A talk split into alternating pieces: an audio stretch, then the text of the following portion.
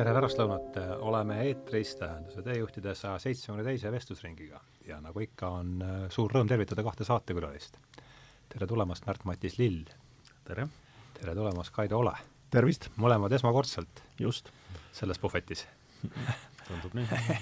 et olge hea, öelge enda kohta alustuseks äh, paar sõna, sest on ju tegemist äh, selles kontekstis debütantidega. no Märt-Matis, hakka sa peale ja kus tunnetaja üldse niisugune? aa, et nagu omavaheline suhe ka veel, jah. ja,, et ma olen helilooja, olen, mind on väga huvitanud ka teised kunstiliigid ja ma arvan, seal on see side ka nagu Kaidoga tekkinud, et äh, oleme koos mingit äh, mõnevõrra kunstilist sõgedust teinud mille üle mul on väga hea meel mis on ka video, videosse jäädvustatud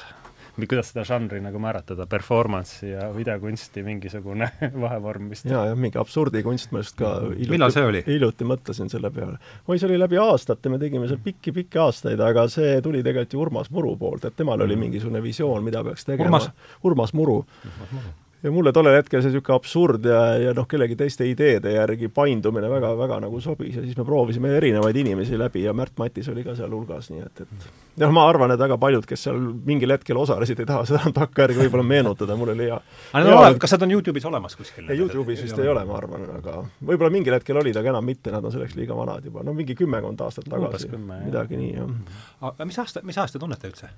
No sellest ajast kümme, kümme jah, ma arvan kümme pluss aastat. jah, midagi niisugust vist, jah. Ja..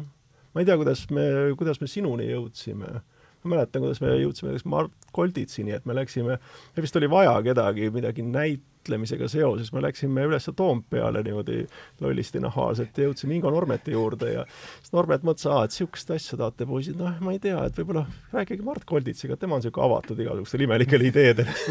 Toompeale siis sinna lavakas? lavakas, jah, aga kuidas me sinuni jõudsime, ma ei usu, et me nüüd kuhugi heli, heliloojate liitu läksime, meil on mingid lollid mõtted, et kes võiks sellega kaasa tulla, aga ja, jah, aga jah nüüd ma tegin nimekirja, kes seal on, kes seal üldse osalesid nagu tähestiku järjekorras ja seal oli ikka igasugu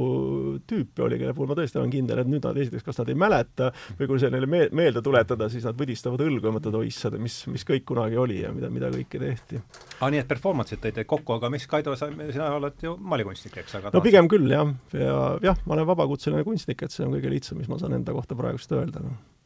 aga eri aegadel on midagi nagu proovitud veel, et ega sa ju muidu ei tea, mis see õige asi on, kui sa ei proovi erinevaid asju ja siis vaatad, et okei okay,, et oli tore küll, aga, aga no mitte vist päris võib-olla see pikemas perspektiivis. aga no lühemas perspektiivis ma ei kahetse nagu midagi, kõik need asjad olid väga kas see oli, ma mäletan sellest jalutuskäigust, kus me rääkisime, et sa olid ju maalikateedri juhataja? oo oh, jaa, isegi seda, jah. eks ole, jah, jaa. kas sul on ka pedagoogilist tegevust äh, kunagi natuke oli, aga aga ma olen ka praegu Heliloojate Liidu juht ja mingi hetk nagu ma selle küll endale selg-, tegin selgeks, et kui ma tahan heliloojana ikkagi jätkata, siis, siis noh, neid asju väga palju sinna kõrvale ei mahu, et et, et selles mõttes, et need kaks asja praegu nagu toimivad suht-koht hästi, aga, aga rohkem, rohkem nagu ei, ei suudaks, jah. Sest tegelikult pedagoogiline töö on väga-väga vastutusrikas, et see on ikkagi see, et sa vastutad nende noorte inimeste eest ja tegelikult noh, sa pead äh, väga tõsiselt seda võtma, sa pead väga palju aega sinna panema ja aeg on just minu jaoks on, on selline mm. nagu väga kriitiline ressurss, nii selles mõttes, et ma nagu tegelen sellega heliloojana, aga teistpidi, et, et noh, endal ka veel praegu kaks äh, alaealist last, et see kõik võtab ka nagu oma aja ja, ja siis Heliloojate Liidu asjad, kõik see kokku. et seda lihtsalt ei saa nagu noh, ei saa lubada nagu mm. mingit huvitav kõrvalpõige, et kui tohib nii pikalt siin heietada üldse, et selleks ma siin olen. vaatasin eile Plektrumi, oli jah, eile vist jah, või üleeile, mis päev täna on. ja seal oli Liina Olmaru, kes on siis Aha. Johannese koolis muuhulgas on õpetaja ja noh, siis ka küsiti, et, et kuidas üldse see kogemus õpetajana on ja siis ta tõi välja nii enda kui oma lapse puhul, et kes ta lemmikõpetaja oli ja miks, miks ta oli lemmikõpetaja ja vist noh, laps sõnastas selle umbes niimoodi, et, et talle tundub, et see õpetaja võtab teda kuidagi heas mõttes isiklikult mm. -hmm. ja siis Liina ütles ka, et noh, temal on ka oma õpetajast umbes samasugune mälestus, võiks niimoodi kokku võtta, et ta tundis, et, et ta läheb kuidagi isiklikult korda sellele õpetajale, siis ma mõtlesin, jessakene, et isegi kui sa oled klassijuhataja, sul on mingi kolmkümmend õpilast, et no ma saangi aru, et see on väga oluline, et sa võtad isiklikult, aga sa suudad võtta kolmekümmend last isiklikult ja kui sa oled aineõpetaja, siis on sul tõenäoliselt vähemalt sada last, sa ei suuda neid võtta isiklikult, et noh, see ongi tegelikult see draama minu, minu arvates, kui sa oled nagu õpetaja, ükskõik mis ideaalid sul ka ei ole, mis isegi soodumus sul ei ole, et sa ei suuda võtta niivõrd paljusid inimesi isiklikult, keegi jääb sul ikkagi kahe silma vahele ja noh, heal juhul ei juhtu midagi halba, aga halval juhul ongi niimoodi, et ta tunneb ennast kuidagi unustatuna ja üleliigsena ja ma ei tea, mis lume, lumepall sellest veerema võib hakata, nii et et noh, mulle tundub, et see on niisugune amet, kus nagu õnnestuda praktiliselt ei ole võimalik, et küsimus on selles, kui, kui vähe sa ebaõnnestud. aga samas, kui hakata mõtlema, see praeguse peremudel, kus on nagu ütleme, üks, kaks on selline nagu last on, on ju reegel ja kõik, mis on üle selle, on juba natukene nagu noh, mida rohkem, seda nagu radikaalsem justkui mm. -hmm. ma just hiljuti äh, sain kokku ühe oma Belgia tuttavaga, kellel on, kujutage ette, viis last. ja, ja nemad rääkisid et noh, see on juba üsna erandlik mm -hmm. ja neil on naaber, selline tõsine katoliiklik pere, ise nad on ilmalikud inimesed kellel on kümme last ja see on juba tänapäeval, noh, ühesõnaga, kui sa räägid, on ju, et, et see süvenemisprobleemid, aga mõtle sellises peres või noh, Pah näiteks, tal oli kaheksateist last, on ju, et äh, ma arvan, et seal on täpselt seesama probleem -hmm. et need mõned keskmised, et võib-olla esimene saab selle mm -hmm. tähelepanu, noh, viimane tõenäoliselt ka juba, seal on see mingisugune pesamuna efekt, aga kõik need kesk-, mitte kõik, aga paljud keskmised ma arvan, lähevad kuidagi niimoodi. no eks ta vist toimib siis ka teistmoodi, et siis ema ja isa ongi nagu mingi patriarh ja matriarh, et nad on kuidagi olemas, aga kuidagi teistmoodi olemas, mitte nii, et nad sul kogu aeg käest kinni hoiavad. elab omaette seal. aga, aga huvitav on see, et me ju teeme nagu hästi suuri järeldusi ja, ja mulle tundub, et pahatihti lähtume sellest, mis on praegu, aga tegelikult see, mis on praegu, on niivõrd äh, Erandlik. väike episood inimkonna ajaloos, et tegelikult see kümme kuni kakskümmend on, ma arvan, pigem olnud nagu reegel, noh, kui, kui on olnud võimalik, loomulikult väga pa-, laste suremus on olnud kõrge, naiste tervis ei ole pidanud vastu, on ju, emade suremus sünnitamisel, aga ikkagi, et see ajastu, mis me praegu elame, see mentaliteet, mida me praegu murdosa aegruumist jagame, see on nagu nii väike hetk tegelikult meie sellisest äh, ja meile tundub ta ainumõeldavana peaaegu. just, et me arvame, me kõik ehitame nagu justkui selle üles, et see ongi nagu, see ongi see mudel nüüd, mis, mis on justkui nojah, aga eks meil lähebki see elu ikkagi paljuski nagu täpsemaks, et noh, ühest küljest jah, see mingi massimood ja tsara, eks ole, kui neid mantleid ja neid tehakse ja noh, õmmeldakse või lastakse teha nagu mõttetult palju, aga noh, teiselt poolt läheb asi ikkagi nagu kuidagi limiteeritumaks, et noh, see on mingi idiootne paralleel, aga nagu, nagu sõjapidamiseski ikkagi on see nagu see täppisrelvad, eks ole, et lihtsalt ei uhata niimoodi umbes laial rindel kõiki neid kuule ja mürske, ikkagi proovitakse nagu täpselt lasta. et ma arvan ka, mu emal oli ka, oli seitse venda ja õde, nad olid üheksakesi. emal, jah emal jah, ja ma arvan, et see oli ka ikkagi natuke niisugune nagu bioloogiline, noh, sul on talu, eks ole, ja, ja noh, sa ei riski kahe lapsega, et noh, paljugi, mis äkki midagi juhtub, just nimelt keegi sureb ära, eks ole, keegi peab pärima, keegi peab minema linna kooli õppima mm, -hmm. keegi seda, keegi kolmandat, et noh, las neid olla, las neid tulla ja noh, ongi hea, et keegi kitkub jäneste jaoks rohtu, keegi aitab seal, eks ole, neist on ka kasu midagi, siis nad, see, see, see kuidagi omaette juba toimib, see selline, selline ühiskond seal. et see oli ka selline noh, ikkagi umbes nagu vana armee, et las olla nagu rohkem, lähme laial rindel peale, et küll siis ka võit koju tuuakse, et sama samamoodi nagu peres, ma arvan, et, et noh, keegi jääb ikkagi alles, keegi võtab talu üle, keegi teeb hea abieludiili, keegi läheb ja tõesti, kellestki tuleb linnas mingisugune tegelane ja ekstensiivne versus intensiivne loomapidamine on niisugune sotsialistliku põllumajanduse võtme, võtmemõisted. aga samas, kas Kaido, sulle ei tundu, et, et, et samas on mingisugune noh, ütleme, tööstuslik tootmine ja mingit pidi ma väidaks ka, et kunst on läinud just seda massiteed, sest orienteerutakse massidele, profileeritakse massidele, kui sa mõtled mingisugusele madalmaade maalikunsti perioodile, noh, kuulus näide Van, mhm. Van Eyck'i on ju, Rolani Madonna, noh, et sellist nagu nikerdamist ja noh, et kes, kes see tänapäeval nagu üldiselt laias laastus teeb. aga siis oligi selles mõttes äh, lihtsam, et noh, lähemegi siin julmade üldistusteni välja, et ega me siin jaa, seda, neid, selleks me olemegi see siin. see ongi selline et, saade, eks ju. just, täpselt nii. paneme laia rehaga. et, et tollel ajal ka sa noh, ma arvan, eks inimene tahab ikkagi kuhugi välja jõuda, tahab nagu läbi lüüa, aga siis see läbilöök tähendab seda, et sa pead, sa pead kuninga juurde saama. sa lööd mm. kuninga juures läbi ja noh, kuningaid on üks, sind on üks, sa teed ühe väga hea töö ja oledki läbi löönud. kuningas vaatab, et väga okei okay tegelane, et las ta nüüd jääbki minu juurde õukonda, hakkab maalima, aga tänapäeval maailmas läbilöömine ei tähenda ühte tööd, eks ole. ja ma mõtlen, noh, kõige hullem ma olen ka mänginud selle mõttega, et et noh, ma ei ole maailmakuulus kunstnik, et noh, aga vaata, kui juhtuks niimoodi, et äkki ma saan maailmakuulsaks kunstnikuks, et siis ma mõtlesin, kui tohutult taak see tegelikult on.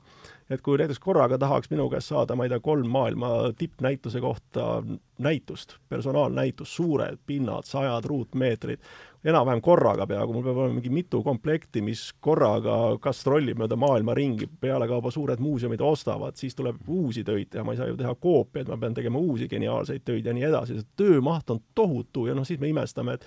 maailmakuulsatel kunstnikel on tohutud assistentide armeed ja nad ei pane paljudele asjadele isegi kätt külge, mitte künismist, aga lihtsalt sellest, et nad ei jõua seda kätt sinna külge panna, nad peavad ja, ja noh, kvaliteet ei tohi ka alla langeda, nii et sa pead kuidagi suutma genereerida geniaalseid ideid, neid suuresti ellu viia võõraste kätega, paratamatult mingi tohutu logistika mm, -hmm. igal pool sa pead kohal olema, siis särama, esitama mingeid oma statement'e, samal olema ka natuke niisugune nagu püha munk, et sa oled need tõesti kuskil välja munenud, need asjad oma sisimas ja, ja maailma pärast valu lendada, tegelikult on see mingi pöörane konveier, mis sulle automaatselt peale pannakse, tehakse ja sinu ainuke süü on selles, et sa olid lihtsalt väga hea, sind korjati üles ja nüüd öeldi, palun väga, London, Tokyo, New York ootavad sind, Brasiilia ootab sind järgmine poolaasta ja küta nüüd. ja siis öeldakse ka isegi, et kuule, ära sa nüüd selle ree pealt maha astu, seda võimalust sulle teist korda ei anta, võib-olla isegi kui sa oled väiksest riigist, öeldakse, sa oled meie, nüüd sa pinguta meie kõigi nimel, sa pead seda lippu kõrgel hoidma, aga tegelikult on see ka, ma arvan, suhteliselt nagu rõve, et seal on väga raske inimlikkust ja kvaliteeti säilitada et see, see on see, noh, see on ikka niisugune saatanlik trikk tegelikult, ühest küljest sulle nagu antakse ja teisest küljest sa võtad selle hurraaga vastu ja siis sa saad alles aru, kuhu sa oled sattunud. noh, ma ei, ma ei ole selles rattas olnud ole..., aga see võib, ma arvan, see on midagi sellist, sest noh, lihtsalt need mahud kasvavad pööraselt kohe. aga kas see ei ole võib-olla natuke see, mis sa praegu räägid, võib-olla see on see selline väikerahva probleem, et me nagu kipume nii mõtlema, aga mulle endale tundub, et noh, vähemalt heliloojate puhul, võib-olla seal on ka siis mingid tõesti žanrilised erinevused mm, -hmm. et kui sa oled juba enna, sinna liigasse ennast välja võidelnud, et ütleme, sellised maailma praegu absoluutselt tipphelilööjad, tegelikult nad kirjutavad nagu vähe, nad saavad seda endale lubada, näiteks Tristan Mürai, ma rääkisin temaga, kui ta käis käis äh, Tallinnas, ta ütles, et üks teos aastas maksimum. ütleme, need heliloojad, kes äh, tõsiselt püüavad nagu äh, niimoodi äh, hing niidiga kaelas sellest loomingust ära elatada, nad tegelevad nagu noh, aasta jooksul nagu saja asjaga põhimõtteliselt, teevad palju erinevaid asju. Ja võib-olla seal on noh, ikkagi me oleme praegu on ju siin business school'is, võib-olla on hea rääkida mm -hmm. ikkagi sellest nõudluse ja pakkumise suhtest, et kui on mm -hmm. nagu nõudlus väga kõrge ja pakkumine väike, et siis sa saad tegelikult neid tingimusi ju määrata mm. -hmm. et noh, ma ei tea, kas, kas Damien Hirst tõesti kas ta tõesti ütleb nii paljudele jah, ma kahtlen selles, ma arvan, et ta on väga valiv, on ju, et no, äh, nõud-, nõudlus saab ületada pakkumisi siis, kui on, tekib mingi monopoolne või, või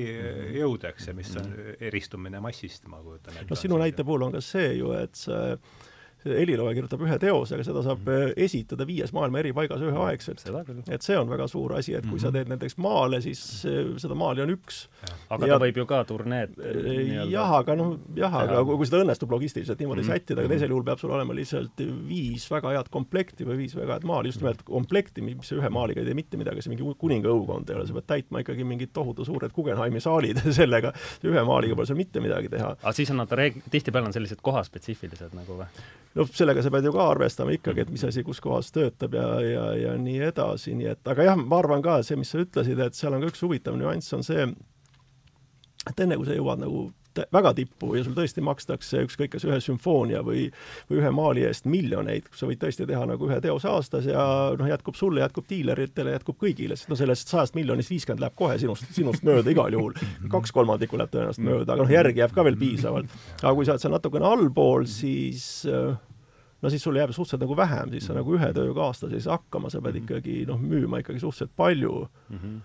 ja no ongi, sa no, vaatad jah, et see ongi see juba see järgmise samas assistentidel on juba vaja maksta ja suure, suure stuudio eest on vaja maksta ja pärast me võime hakata siin rääkima ka energiakriisist, elektri- ja küttehindadest ja nii edasi, et et noh, kõik, kõik selline asi, et enne kui sa need kokku saad ja pluss lõpuks tõesti tekib ju mingi eetiline moment, et ma olen lugenud no, nii palju sellist äh,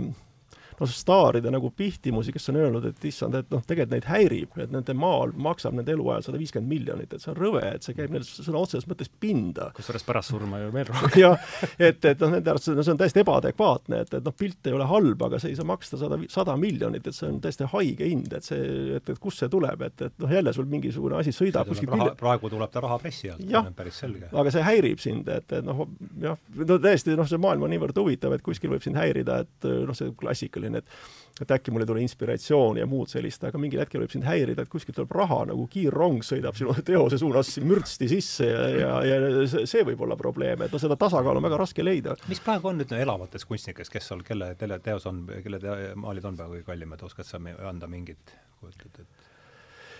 oh, ma ei tea, ma, ma ei julge niimoodi öelda, aga noh, ma tean näiteks üks äh, Saksa veel ikkagi elus olev maalisuperstaar Gerhard Richter, et tema oli, äh, kes, kes väga muretses selle pärast, et miks ta tööd nii palju maksavad ja siis, kui ma nüüd ei eksi, siis ta isegi äh,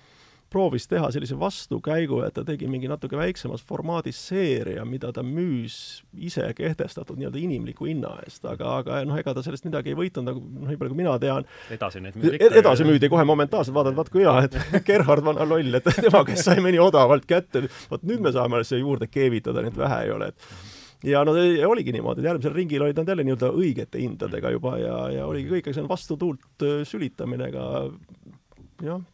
aga jah, see aja ja raha suhe on nagu huvitav teema, ma olen kuulnud äh, filmimaailma tuttavatelt, kes nagu natuke Hollywoodi teavad äh, ja on suhelnud nagu sealsete ringkondadega, et näiteks seal pidi olema probleem nagu nendel tippnäitlejatel, et äh, noh, mingit pidi, et mida selle ajaga teha, et tõesti, nad saavad ühe rolli eest jälle samamoodi, saavad nagu ulmelise summa ja tegelikult on see nagu pöialde keerutamine on see probleem ja mõnikord siis nagu tekib see, et noh, mõned teevad tohutult halbu, halbu valikuid, mis omakorda tingib selle, et neid enam nendesse kõige parematesse asjadesse ei võt-, võeta, et seal kuidagi noh, sedalaadi nagu profileerimine ja siis on noh, mõned väga suured erandid nagu Daniel Day-Lewis on ju, kes teeb kord viie aasta jooksul võib-olla ühe rolli, mis on absoluutne meistriklass, on ju omaette, aga see on nagu väga suur erand, et jällegi, et see, see, see selline nagu äh, noh, liigse ressursi nagu tulek ei ole võib-olla tõesti loomeinimesele lihtne, no ongi, et sa pead, noh, minu lemmikväljend on ikkagi see, et sa pead nagu iseennast tundma ja noh, ma arvan, looming on üks parimaid võimalusi selleni jõudmiseks, et kes sa selline oled ja noh, millises kas või mikromaailmas sinu jaoks on kõige parem nagu elada ja areneda ja no ka seesama näitlejate näide, et, et noh, kindlasti igalühel on oma mingisugune töö hulk, mis teda vormis hoiab, et kui ta teeb liiga palju, mhm. käib ta tase alla, kui ta teeb liiga vähe, käib ka ta tase alla, aga noh, mõnikord ongi jälle need välised jõud jõud nagu kuidagi suunavad sind, et kui sa oled veel mitte piisavalt tuntud, siis sa pead tegema liiga palju ja võib-olla ei saagi paremaks ja tuntumaks, sest sa lihtsalt nagu pudistad ennast kildudeks ja aatomiteks ja ja arengut ei toimu. Või siis vastupidi, jah, kui sa oled nagu superstaar, siis noh, ma ei tea, isegi su mänedžer võib-olla ütleb, kuule, kuule, oot-oot-oot, või agent, et ärme võta nüüd seda vastu, ärme võta seda vastu. Ja siis ühel hetkel sa äkki avastad, ma ei oskagi enam näidelda või see soe on välja läinud või see hoog on välja läinud ja või noh, see tahaks, aga noh, et äh, kuidagi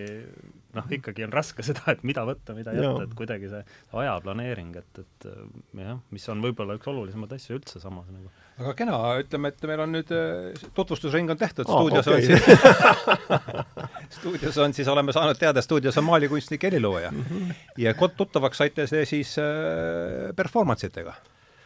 no ütleme nii, jah. võib-olla isegi enne, aga ega ma ka täpselt nojah, aga, aga nüüd olete te igatahes saanud uuesti kokku meie lehe raames vähemasti. et Kaido kirjutas siis kahekümne esimesse numbrisse,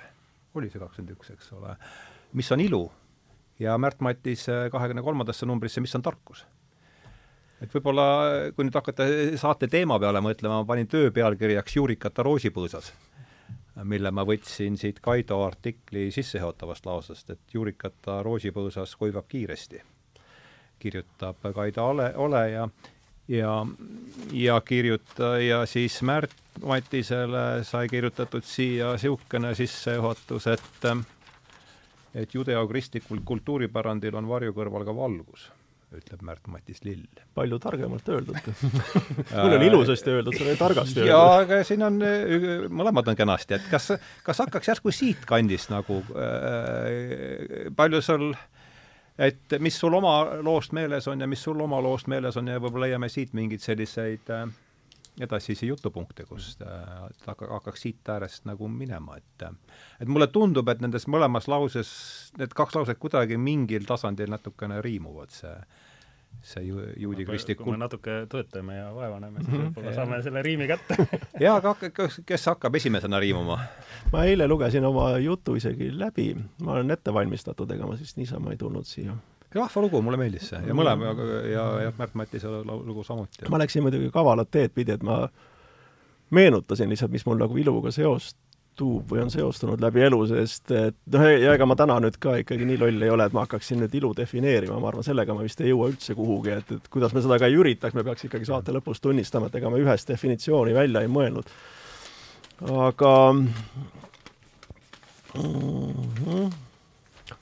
nojah, kui ma nüüd lausega jõudsin, see oligi see, et lugesin oma jutu läbi ja ega ma kirjutan sellele kõigele alla, aga mul tekkisid paar, paar mõtet seal sinna juurde veel, sest see oli suhteliselt lühike artikkel, sinna ei jõudnud kõike kirja panna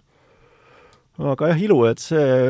see esimene, mis, millega ma alustasin, et see on nagu huvitav intriig, et, et minu kui kunstniku käest küsitakse ilu kohta, et, mhm. et noh, see maailm on jälle nii palju muutunud, et, et noh, mhm. tundubki, et ja kaasaegne kunst, et see on pigem nagu niisugune palju, paljude jaoks on nagu inetuse kunst, et kui kunagi küsiti tõesti kunstniku käest, et kuule, vaata, kas on ilus, siis ma arvan, nüüd ikkagi väga vaadatakse, millise kunstniku käest üldse küsitakse, kui küsitakse, mis on ilus, et ärme neid kunstnikke küll siia lase, et teeme ikka ise ära, siis tuleb ilusasti välja, et pigem on nagu selline suhtumine, ja see pigem ei ole võib-olla isegi kompliment, on ju, mingis sellises, mingites ringkondades, kui öeldakse, et on ilus. jah, jah, jah, jah, just. aga noh, mulle tundubki, et see põhiessents, mis võib-olla ei saanud sinna juttu ka veel nagu nii selgelt kirja, on ikkagi see, et et mis on nagu selle ilu vist puudus ja võib-olla see ongi objektiivne, et et kui midagi on, et noh, ilu kindlasti on mingi selline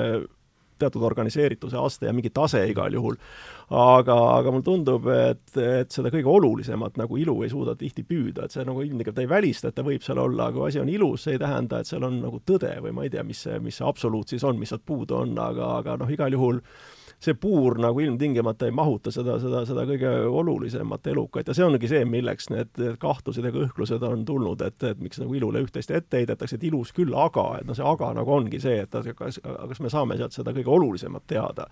et ja noh, tõenäoliselt siis nagu mitte ja siis noh, järgmine samm ongi see, et, et heidetakse ja loobutakse ilust üldse, et aga äkki kui me teeme inetult, et äkki siis see miski on seal olemas. et noh, kui ilusas ei ole, siis tehakse lihtne loogiline käik, et mhm. aga siis inetus on, et, et ma teen natuke koledamalt ja siis ma äkki saan sellele ligemale, noh, mis on väga inimlik, et sa proovid kuidagi noh, jälle nagu sõdur ligemale hiilida kuidagi põõsaste vahel ja roomates ja igasugu nippe kasutades, et äkki, äkki saaks, noh, sõdur proovib võib-olla vaenlasele ligemale roomata, me tahaks nagu tõele ligemale saada, aga noh, ikkagi, et sa proovid mingit strateegiaid ja kui Aha. üks tundub, et ei vii sind võib-olla päris pärale, siis sa teed mingi loogilise järelduse, järelikult siis selle mingisugune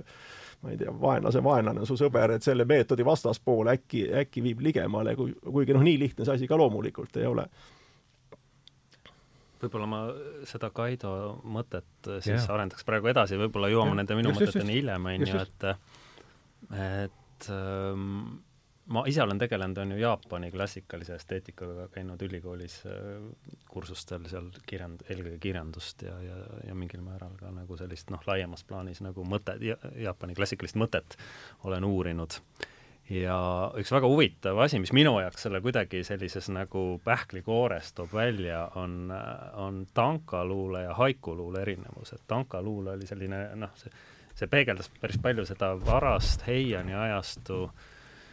Jaapani iluideaali, mis oli siis täpselt selline, võiks öelda ilutsev, et ütleme, seal üks teoreetik sõnastas, Jaapani teoreetik sõnastas, et see, tanka, et see on nagu selline äh, udune öine maastik, mis, mis särab kuuvalges mhm. et tõesti, et see on, kõik, ma arvan, enamik inimkonnast tõenäoliselt nõustub, et, et see on ilus mhm.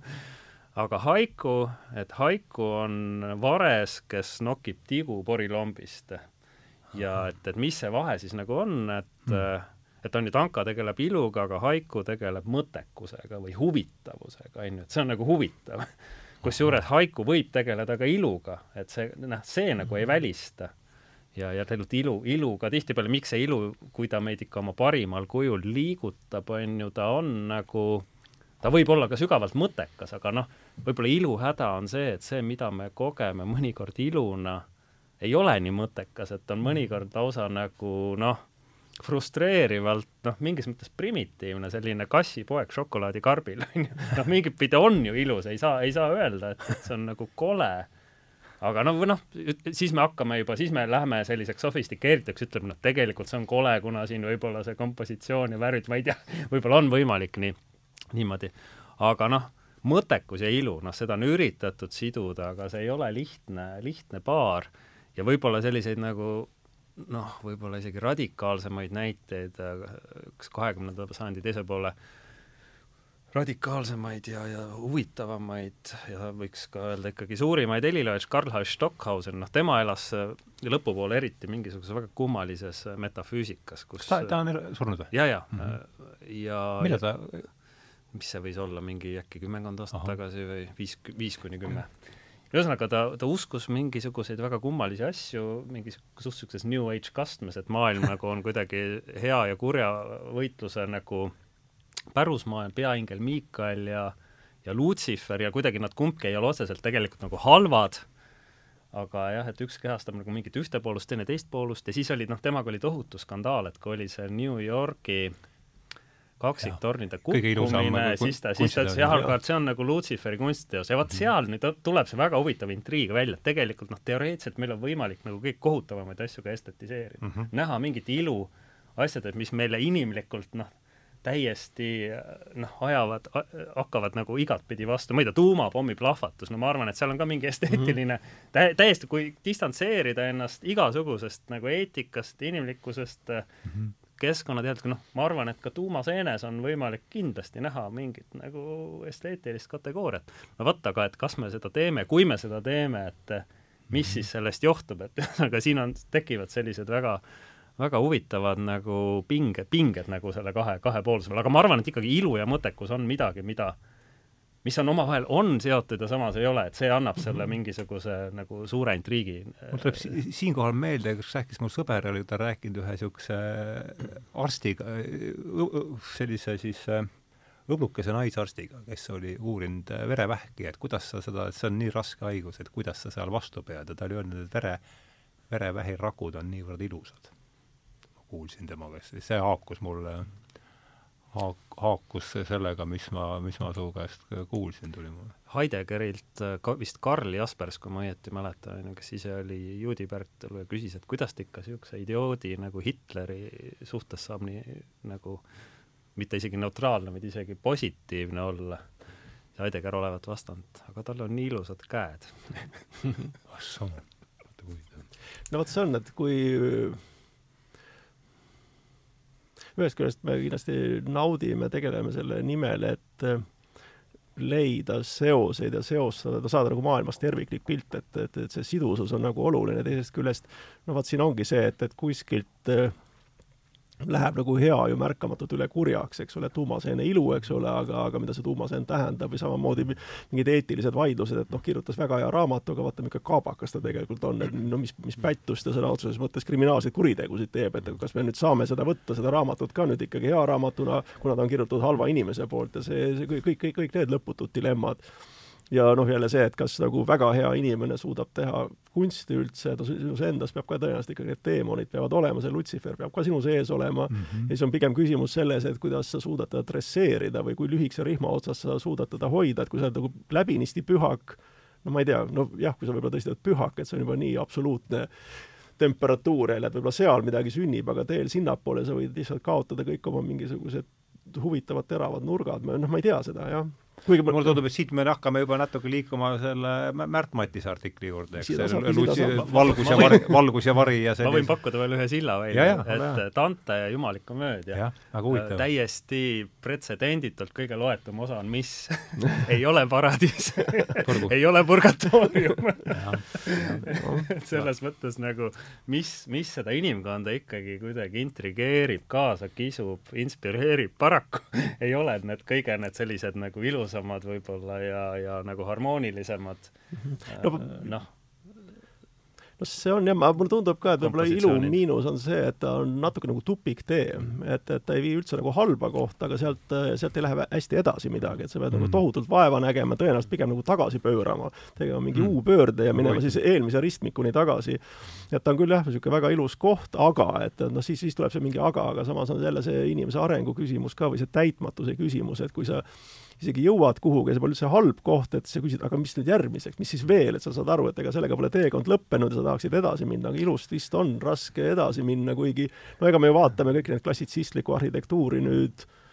noh, ka palju leplikuma pilguga, seal olid ka mingid ju absoluutsed kaanonid ja tõesti ühest küljest oli ta nagu massiehitus, aga mõneti on ta ikkagi ilusam kui Mustamäe ja Lasnamäe vist, kuigi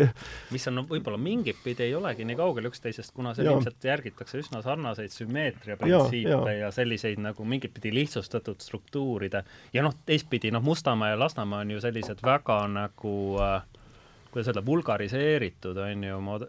modernism, et noh, need Le Corbusier mingisugused ikkagi varasemad asjad, ega nad nagu nii koledad kohe kindlasti ei ole, kui,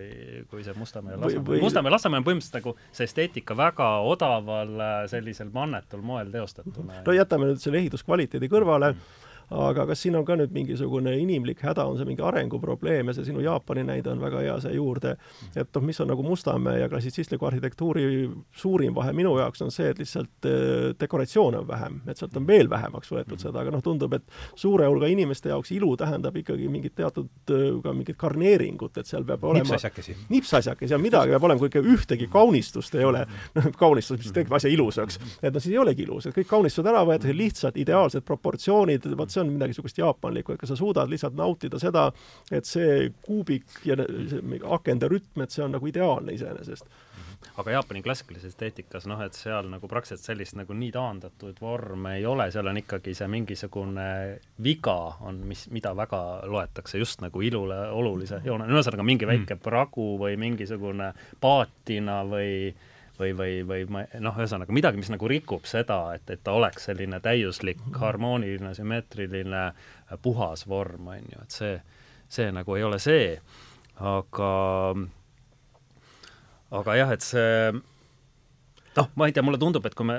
korraks veel tagasi tulla selle ehituse juurde, et, et see oli ju, see, see modernistlik esteetika oli mingit pidi ka reaktsioon on ju üheksateistkümnenda sajandi sellele tohutule vohamisele, mis, kus nagu jälle see poolus nagu keerati üle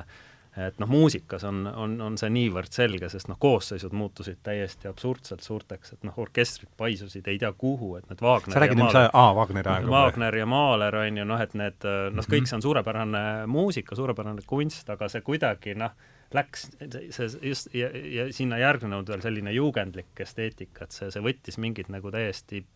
pead pööritavad mõõtmed aga, aga see kaunistus kui printsiip, ma arvan, et see, see, see mõte mulle väga meeldib, et sa tood sellise väga fundamentaalsena välja, et mina olen mõelnud, et et, et tegelikult, et kas üldse kunsti või laiemas plaanis kultuuri määratus, see ei olegi, et, et nagu nikerdus, on ju, et, et noh, kui asi on nagu ainult funktsionaalne, et noh, mulle, mulle tundub, et siis seal see kunstiline dimensioon nagu puudubki mm. -hmm. aga et kui seal on natuke midagi juba, midagi ülemäärast, mis, mida see nikerdus endas nagu kätkeb mm, -hmm. et, et sealt võib-olla see kunst nagu mingit pidi algab, kuhu, kust me jõuame välja selleni, mis on nagu üks kunsti paradoks, et kunst on tegelikult tarbetu, on ju, et kui me lähtume puhtast funktsionaalsusest, siis kunsti ei oleks justkui vaja, aga samas on kunst kindlasti üks, üks inimese selliseid nagu olemuslikku vajadusi, selles ma olen ka ja. nagu veendunud. et noh, siin on jälle selline, selline kummaline, kummaline paradoks. ma teen ühe sammu veel tagasi, et vaata, kui siin sa tõid selle Hitleri näite ja Heideggeri, et, et ilusad käed, eks ole, et, et kuidas sedapidi oli nagu halb ja hea kokku pandud, siis modernistlik arhitektuur noh, ütleme tinglikult, et ta on siis nii-öelda kole arhitektuur paljude jaoks, siis selle tegelikult idee oli äärmiselt humaanne, ma arvan, muuhulgas ka, et anda ikkagi võimalikult paljudele inimestele normaalsed elutingimused. keskküte, soe vesi ja katus pea kohal ja noh, tundubki, et siin on see dilemma, et, et kui me tahame teha garanteerida kõikidele mingi selline inimlik äh, igapäevaelu nivoo, siis tuleb kuskilt järgi anda, muuhulgas ka kvaliteedis et noh, jätame selle kinnisvaraturu ja selle kasuahnuse kõrvale praegust, aga noh, lihtsalt ei ole võimalik kõigile Versailles osse püstitada. see, see lihtsalt füüsiliselt ei ole võimalik, järelikult tuleb lihtsustada, lihtsustada, lihtsustada ja siis lõpuks ongi dilemma see, et kas sul on kole korter või noh, mugav korter koledas majas või ei ole üldse mitte midagi, lähed ruudule uue, kaks tagasi või ruudule kolm, kus kohas sa enne olid, et, et, et see on see -hmm. see on see asi, et, et noh, väga ilusad ideed toovad kahjuks kaasa suhteliselt koledad tulemused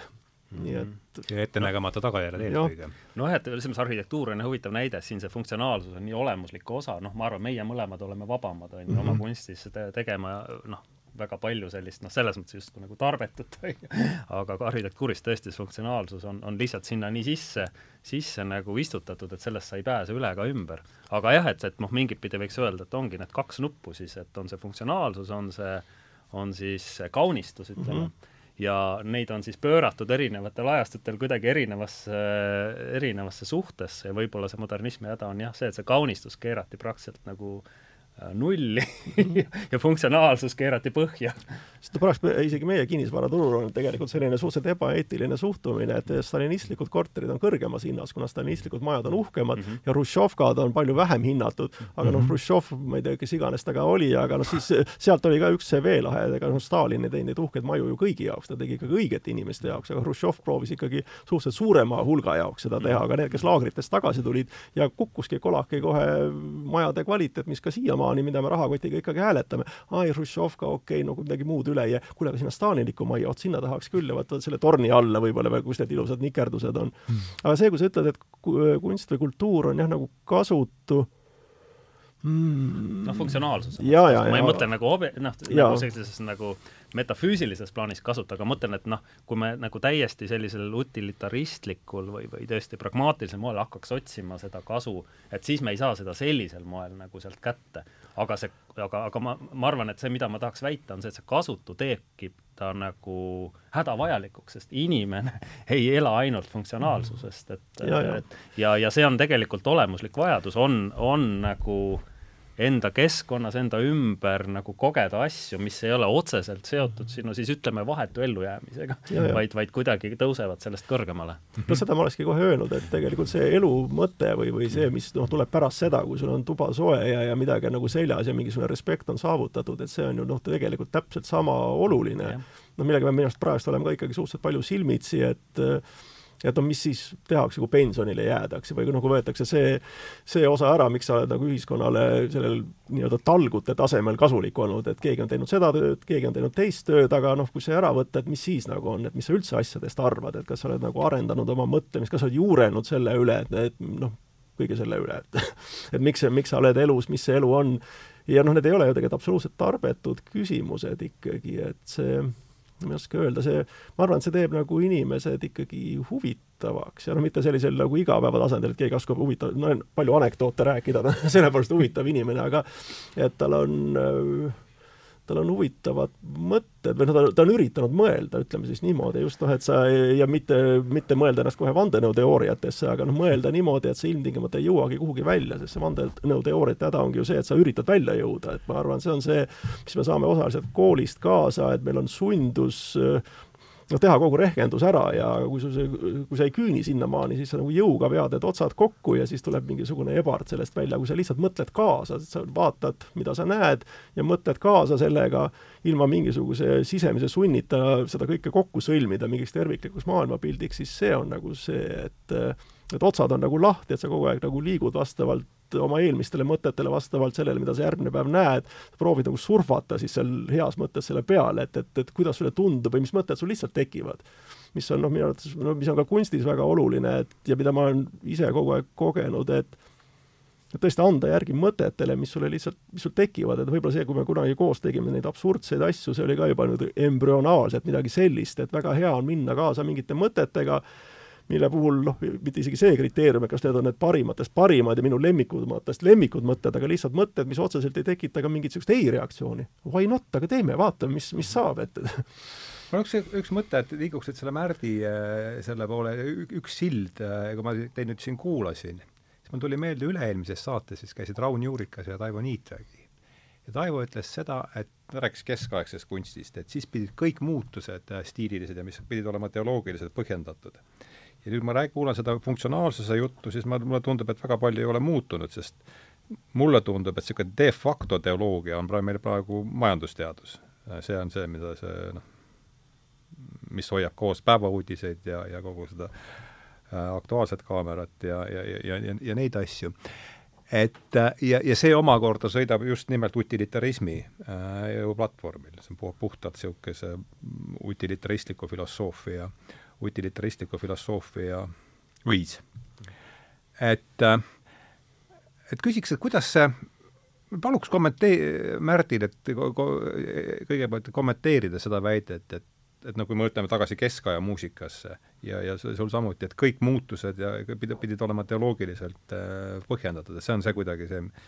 see on see asi, mis mul tuli teid kuulates äh,, kerkis üles sealt, ma ei tea, kuskohast, aga ma arvan, et selles väites on äh, üht-teist natuke problemaatilist mm, -hmm. et mhm. see lähtub natuke sellest, et äh, mis allikatele me üldiselt oleme tuginenud äh, äh,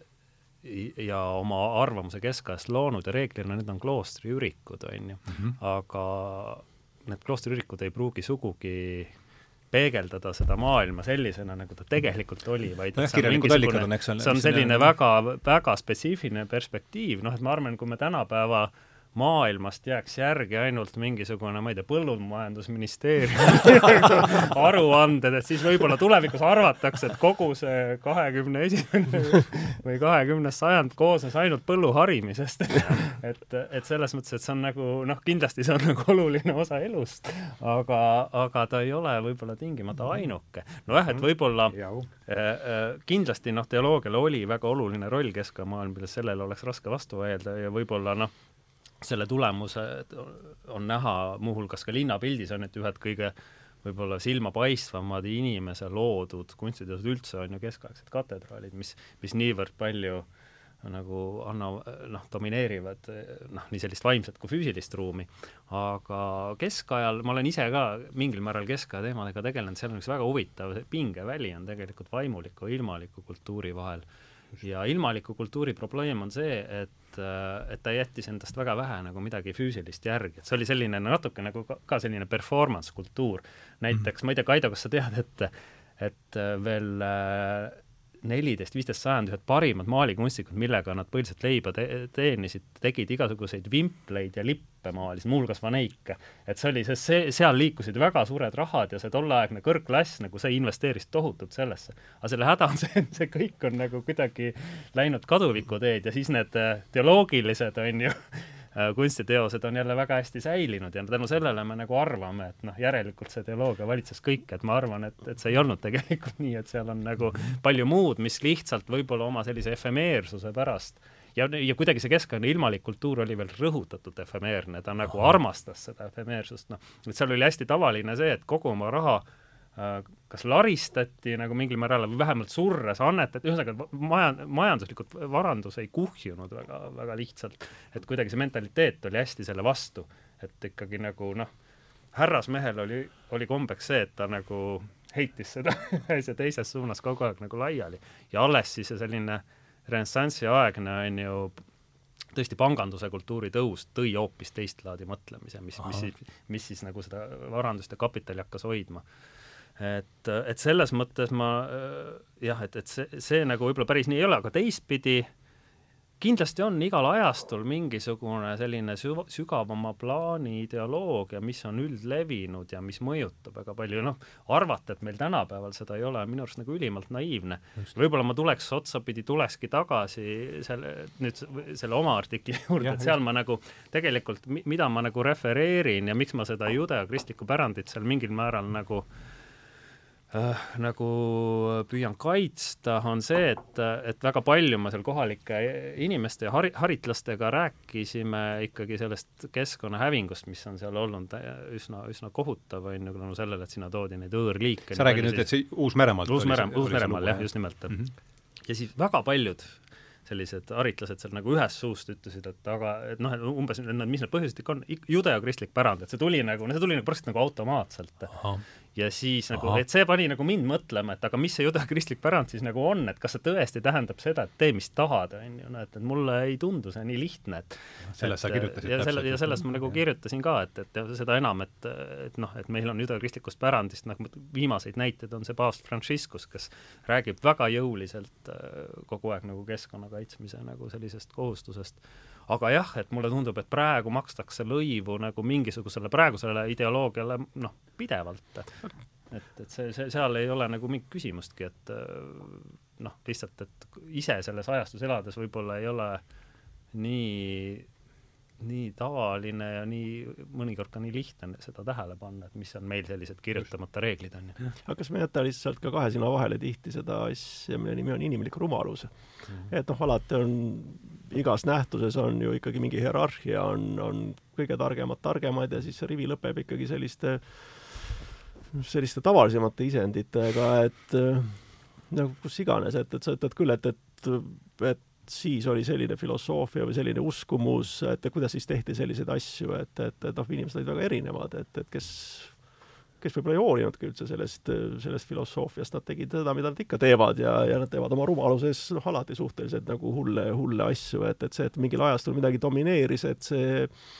noh, see ei olnud nagu nende probleem, et ma ei tea, et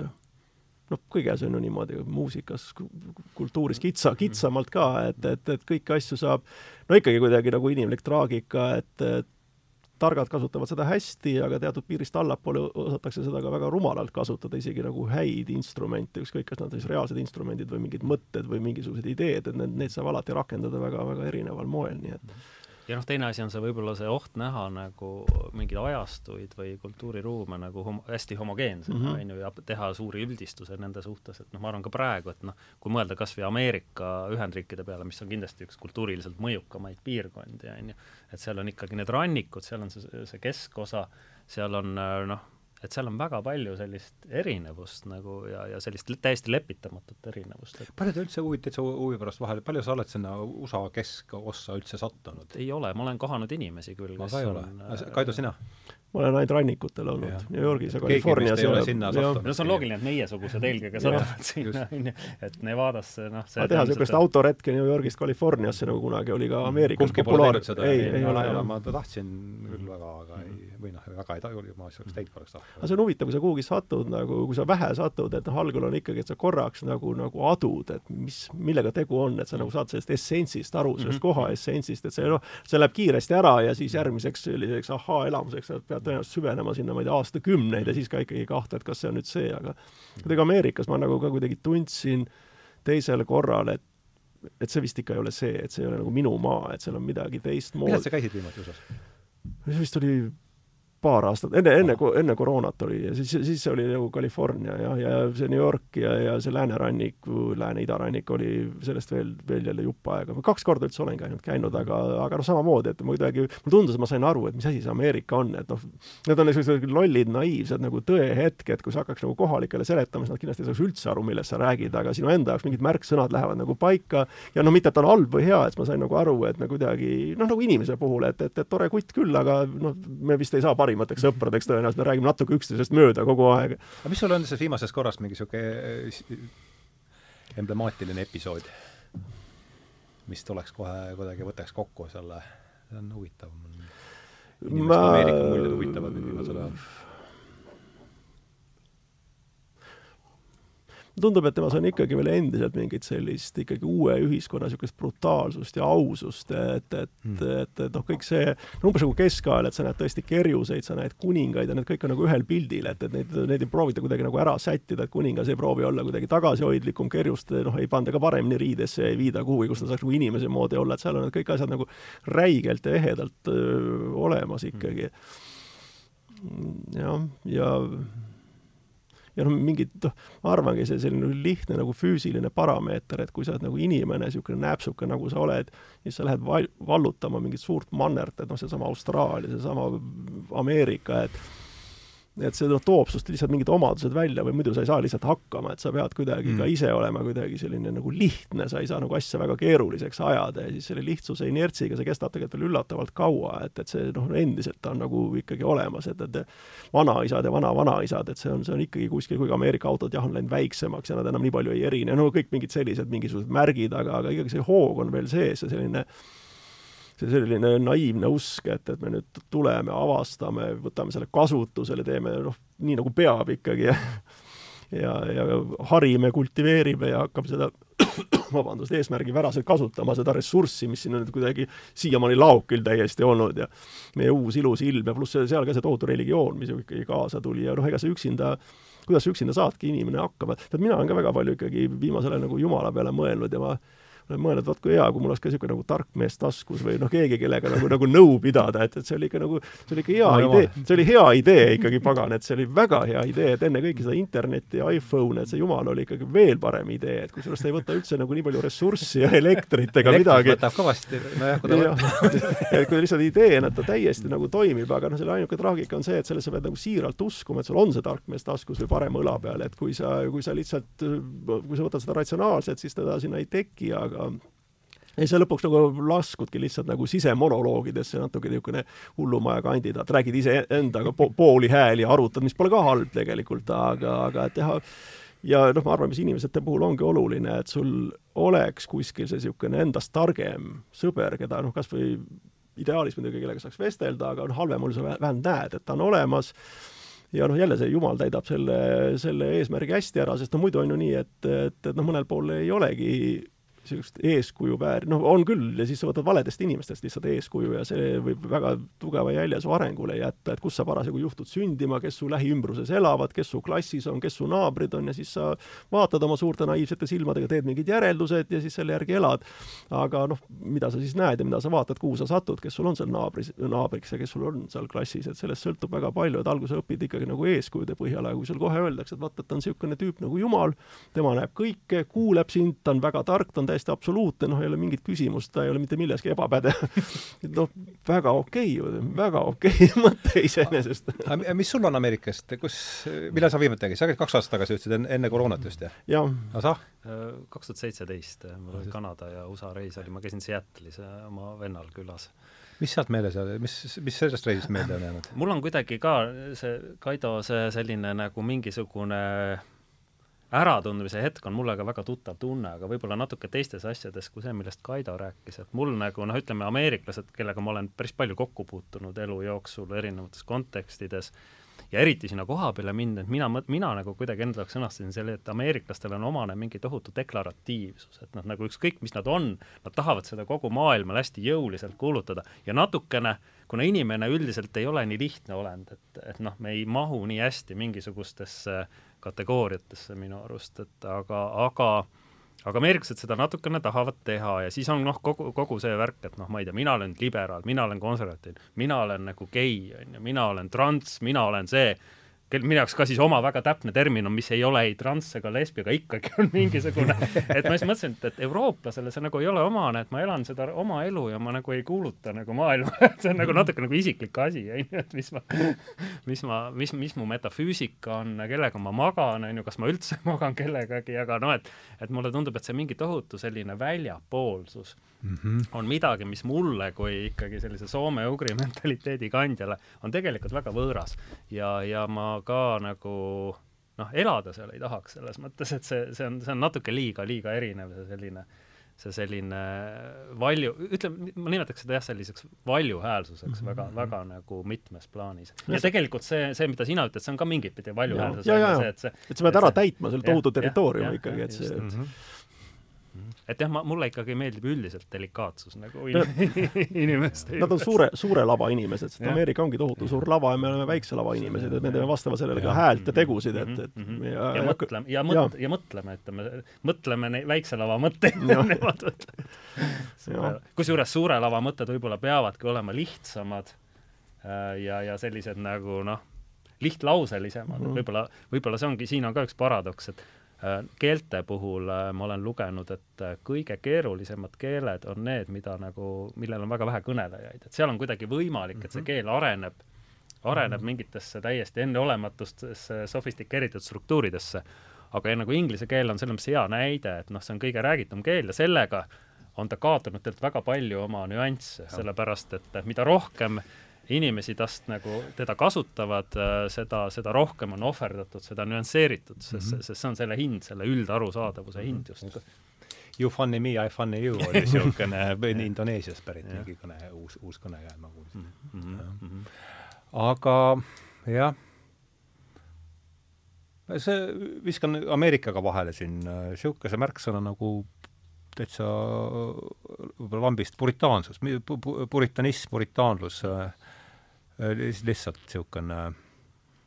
noh, võib-olla see otsapidi kommentaar, Ameerika hea puritanism, mõtled, jah? jah, isegi või üldse, või üldse puritanism, aga ta tõukus just Ameerikast, et mulle tundub, et äh, olles siin nüüd ühe nendele siin oluliste raamatute kursusel oli Moby Dickile üks hooaeg pühendatud ja siis sai seda Ameerika asja vaadatud niimoodi lähemalt natukene. ja ütleme, ühelauseline järeldus, mis mina sealt kaasa võtsin, oli see, et Ameerika on purita-, purita-, puri-, puritaanne maa siis nojah, see on jälle väga suur üldistus, sest no jah, Ameerikas on ka muidugi noh, kui on väga palju katoliiklasi näiteks, kes ei ole nagu nii, nii otseselt on, loomulikult on üldistus, aga ikkagi, et noh, kui üldistus läheb, siis see oleks esimene, mis ma sealt võtaksin, et mm. aga et äh, lähme sellega edasi, selle, et mitte tingimata Ameerikaga, Ameerikaga seoses see mõte mm. tekkis, et mm. see huvitab mind laiemalt üldse, see reformatsiooni mm. reformatsiooni kaugem mõju ja kuidas te seda näete, et võib-olla see oleks üks niisugune äh, puiestee, mida mööda siin natuke jalutada, et mm -hmm reformatsiooni mõju nii kujutavas kunstis kui, kui siis, kui muusikas, et see mind lihtsalt isiklikult huvitaks väga no ma ei tea, võib-olla alustaks pigem ikkagi kaasajast oma nagu mõtetega, kindlasti jõuame, jõuame ka siin ajalukku välja, kui kui vaja, aga selles mõttes ma olen nõus, et see puritanism on nagu tohutult tugev jõud praeguse aja mm -hmm. kultuuris ja Ameerikal on selles, selles Just. nagu väga oluline roll ja, ja noh, Kaido siin rääkis, on ju, et, et need inimesed, kes sinna läksid, on ju, mida nad pidid tegema, aga mulle tundub, et et üks asi, mida me peame ka silmas pidama, et need ei olnud päris mitte ükskõik mis inimesed, vaid see oli teatud inimtüüp, kes kippus domineerima ja suur osa neist olid sellised noh, ütleme siis äh, viisakalt religioossed fanaatikud. Ja neil oli ka oma gradatsioon, mul üks Ameerika ajaloolane seda väga, väga värvikalt seletas, et noh, et sinna rannikutele maandusid sellised noh, enam-vähem normaalsed ja nad lükkasid ennast need hullemad nagu eemale ja seal toimus mingi selline nagu segregatsioon ja, ja siis järjest noh, neid hullemaid lükati, lükati kogu aeg, pressiti sinna keskele nagu need crazies nii-öelda mm. -hmm. et siis sinna rannikule jäid sellised enam-vähem noh, võib-olla siis nagu mõõdukamad äh, puritaanid aga sinna kuhugi jah, tõesti juba, kui me mõtleme mormoonid ja nagu see kamp, et noh, need, need ikkagi pressiti kogu aeg nagu kaugemale eemale. aga aga mingi puritaansuse nagu surve, jah, mina küll seda kunsti puhul olen, olen ka mõelnud ja tajunud, mulle tundub kusjuures, et eriti kujutava kunsti puhul see, see annab nagu äh, noh, ühesõnaga, et kui sa loed neid äh, kuraatorite programme ja, ja, ja, ja mingisuguseid ambitsioone, mis on nendega seotud, tihtipeale nad on ikkagi väga kantud sellisest noh, mingi suht, ma ütleks ikkagi ortodoksest ideoloogiast, mis mis, mis nagu kus, kus taustal on see, et noh, kuidas asjad peaks olema, mis on hea, mis on halb, et see on huvitav, et kunst on nii palju sellele nagu lähemale jõudnud, et heliloomingusse see on kuidagi jõudnud võib-olla natuke viibega sellepärast et helilooming oma loomuselt on ikkagi abstraktsem kunst, aga nüüd see on ikkagi järjest tugevamaks läinud, et ikkagi mingi ideoloogiline programm, jah, paraku küll. et ma nagu aru saate, mina selle, selle suundumuse fänn ei ole, aga noh, see on väga palju seotud sellega, et selle ikkagi selle identiteedipoliitikaga, et, et noh, kus loetakse nagu piinliku täpsusega, et kui palju on seal mingisuguseid noh, naisi-mehi äh, non-binary sexualities ja nii edasi, et, et, et kogu, kogu see, et justkui nagu see kunsti kõige olulisem roll oleks, oleks anda hääl siis mingile inimrühmale, et, et oluline ei ole enam see kunst ise, vaid, vaid, vaid nagu see noh, jah, see identiteet, kes teda loob, et noh, mina, mina leian, et see on ikkagi nagu tupiktee ma ei ole puritaanluse selle ajaloo spetsialist, nii et keegi pole siin, nii et see, aga see ei takista rääkimast. ja, ja et võtame ka suu täis kohe, et kui me juba välja tulime, siis ei häbi ega au. see, no võib-olla sõltub ka nendest äh, instrumentidest, mis sul on, et noh, mulle tundub, et äkki keelega on selline tunne või kohustus, et sa saad kuidagi mingi selguse luua, et, et mulle tundub, et kui võib-olla ka kui sa muusikat teed, mis on eriti poeetiline minu, minu arvates eneseväljendamismoodus, aga ka kunst oma eri vormides, et siis ikkagi heas mõttes need asjad lähevad sul lappama käes. et seal sa õnneks, õnneks sa alati nagu hälbid sellest kursist ikkagi mingil moel või vähemalt isegi kui sul enda arvates sa ei ole hälbinud, siis teised ikkagi saavad sealt välja lugeda ka midagi hoopis muud, et, et noh, kui sa enda arvates oled millelegi väga õigele pihta saanud, on see muidugi draama, kui keegi ütleb, et kuule, et ma nägin siin hoopis seda, eks ole. Aga, aga samas on see ka ikkagi mingi ventiil, et need asjad on alati nagu mitut moodi vaadatavad, aga kui sa oled nagu kuraator või teoreetik, siis sa saad ikkagi kirjutada lõpuks selle asja ikkagi väga plakatlikult lõpuks lahti, kui sulle tundub, et see on ikkagi õige asi ja siin ei tohi olla kaksipidi mõistmist, siis sa kirjutad selle niimoodi, et seal ei ole kaksipidi mõistmist ja nii ta ongi tõesti ja kõik saavad sellest ühtemoodi aru ja no mis pikemas perspektiivis on alati häda tegelikult, et noh, ajad muutuvad, ma ei tea, ütleme siis optimistlikult inimene areneb ja siis vaadatakse, pagan, et see loosung oli ikkagi küll, et noh, vähemalt kannab oma aja pitserit ja niimoodi nagu tore, aga ega teda enam, enam nüüd kasutada ei saa sellisel moel. et, et, et noh, mul on nagu armas ikkagi see, et ja võib-olla millega ma ennast lohutan, on see, et sa noh, see puritaanlusega ka koos, et et ühest küljest sa muidugi nagu tahaksid ikkagi kuidagi hallata seda, mis sa teed, sa tahad hallata oma elu ikkagi ja sa tahaksid umbes nagu aru saada, miks sa seda teed. ja, ja siis sa muretsed selle pärast, mis sul nagu kontrolli alt kuidagi välja valgub, aga nüüd ma olen nagu aru saanud, et ikkagi see väljavalguv osa on vähemalt sama oluline ja sinu vead on sama olulised ja head kui ka need õiged asjad, mis sa teed ja, ja aga noh, lihtsalt kui asjal muud mõtet ei ole, et kui sa nagu lased asjal täiesti isevoolu teed minna, siis sa nagu ei teagi seda, mis on nii-öelda viga ja, ja, ja mitte viga, et sa pead nagu üritama seda peenart kuidagi harida ja siis sa vaatad, mis sinna lõpuks tuleb, et noh, nii sinu istutatud porgandid kui ka midagi muud ikkagi ja siis, siis ühel hetkel see tasakaal, mille, millega sa lepid, et see võib-olla ongi nagu parim, on porgandid ja, ja, ja on need teised ja see ütleb sulle midagi, et, et noh, väga õige, et sa selle üles harisid, väga hea, et sa neid just porgandeid otsustasid kasvatada, aga noh, nüüd see kõik see kokku on ikkagi see jackpot, mis sa, mis sa nagu saad. Ja noh, see puritaanluste ja no nende, kes proovivad asja ikkagi nagu lõpuni ära otsustada ja, ja mitte jätta mitte mingisugust võimalust vea jaoks, ja no see ongi nende nagu viga, et iseenesest selline nagu attitude, et sa lähed nagu väga karmilt peale on iseenesest nagu hea, sest ega inimene kunagi nagu lõpuni ikka välja ei jõua, niikuinii jääb seda nagu avastamata maad äh, meie vaimus ja hinges ikkagi nagu lõputult. Aga, aga no sa vähemalt, vähemalt sa peaksid vaatama, kuhu seda piiri õnnestub tõmmata ja siis teisel pool piiri on see asi väga, väga, väga huvitav, mis sinna väljapoole veel jääb. Aga noh, see on see, mida sa, mida sa nüüd endale nagu tunnistad, et, et noh, lõpuks sa võid selle asja nagu nii lukku panna, et sa seda ülejäänut ei tunnistagi, neid vigu ei tunnistagi, noh, vead ongi vead, et, et noh, mina nimetan neid küll vigadeks, aga, aga samas ma arvan, et ma vaatan ikkagi nagu uudishimulikult sinnapoole, et mis, milles ma siis ebaõnnestusin. sest noh, tõenäoliselt järgmise käigu tuum on selles ikkagi selles ebaõnnestumises, seal on midagi väga olulist, mis ma pean nüüd järgmiseks kuidagi integreerima oma, oma järgmisesse sammu et, et noh, nii palju ma ei tea, ma olen oma elu jooksul nagu õppinud, aga noh, tõesti, seda saab väga teha hästi üksikisikuna, kui sa ei riski nagu palju, paljuga, aga noh, ma tõesti vaatan väga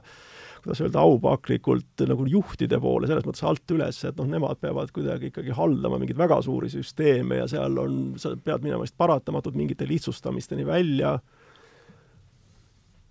teades kõiki neid ohte, kui sa oled arukas juht ikkagi, et, et noh, see lihtsustamine, et midagi olulist jääb kahjuks väljapoole, aga siis sa pead kuidagi, ma ei tea, käigult korrigeerima seda, ma ei tea, ja noh, samas ikkagi kõik ootavad mingisugust, mingit tõde, mis kehtiks natuke kauem kui kaks aastat või kolm aastat, et ta ei oleks niisugune tsaraa-tõde, aga ta oleks mingi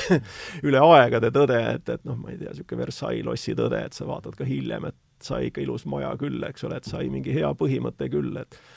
et see on, see keeruline jah, ma ei, ma ei tea, et, et ma, ma, ma saan mingil moel vist peaaegu kõikidest inimestest aru, et või noh, ega ma nüüd nii tore inimene ka ei ole, et ma kõigist aru saan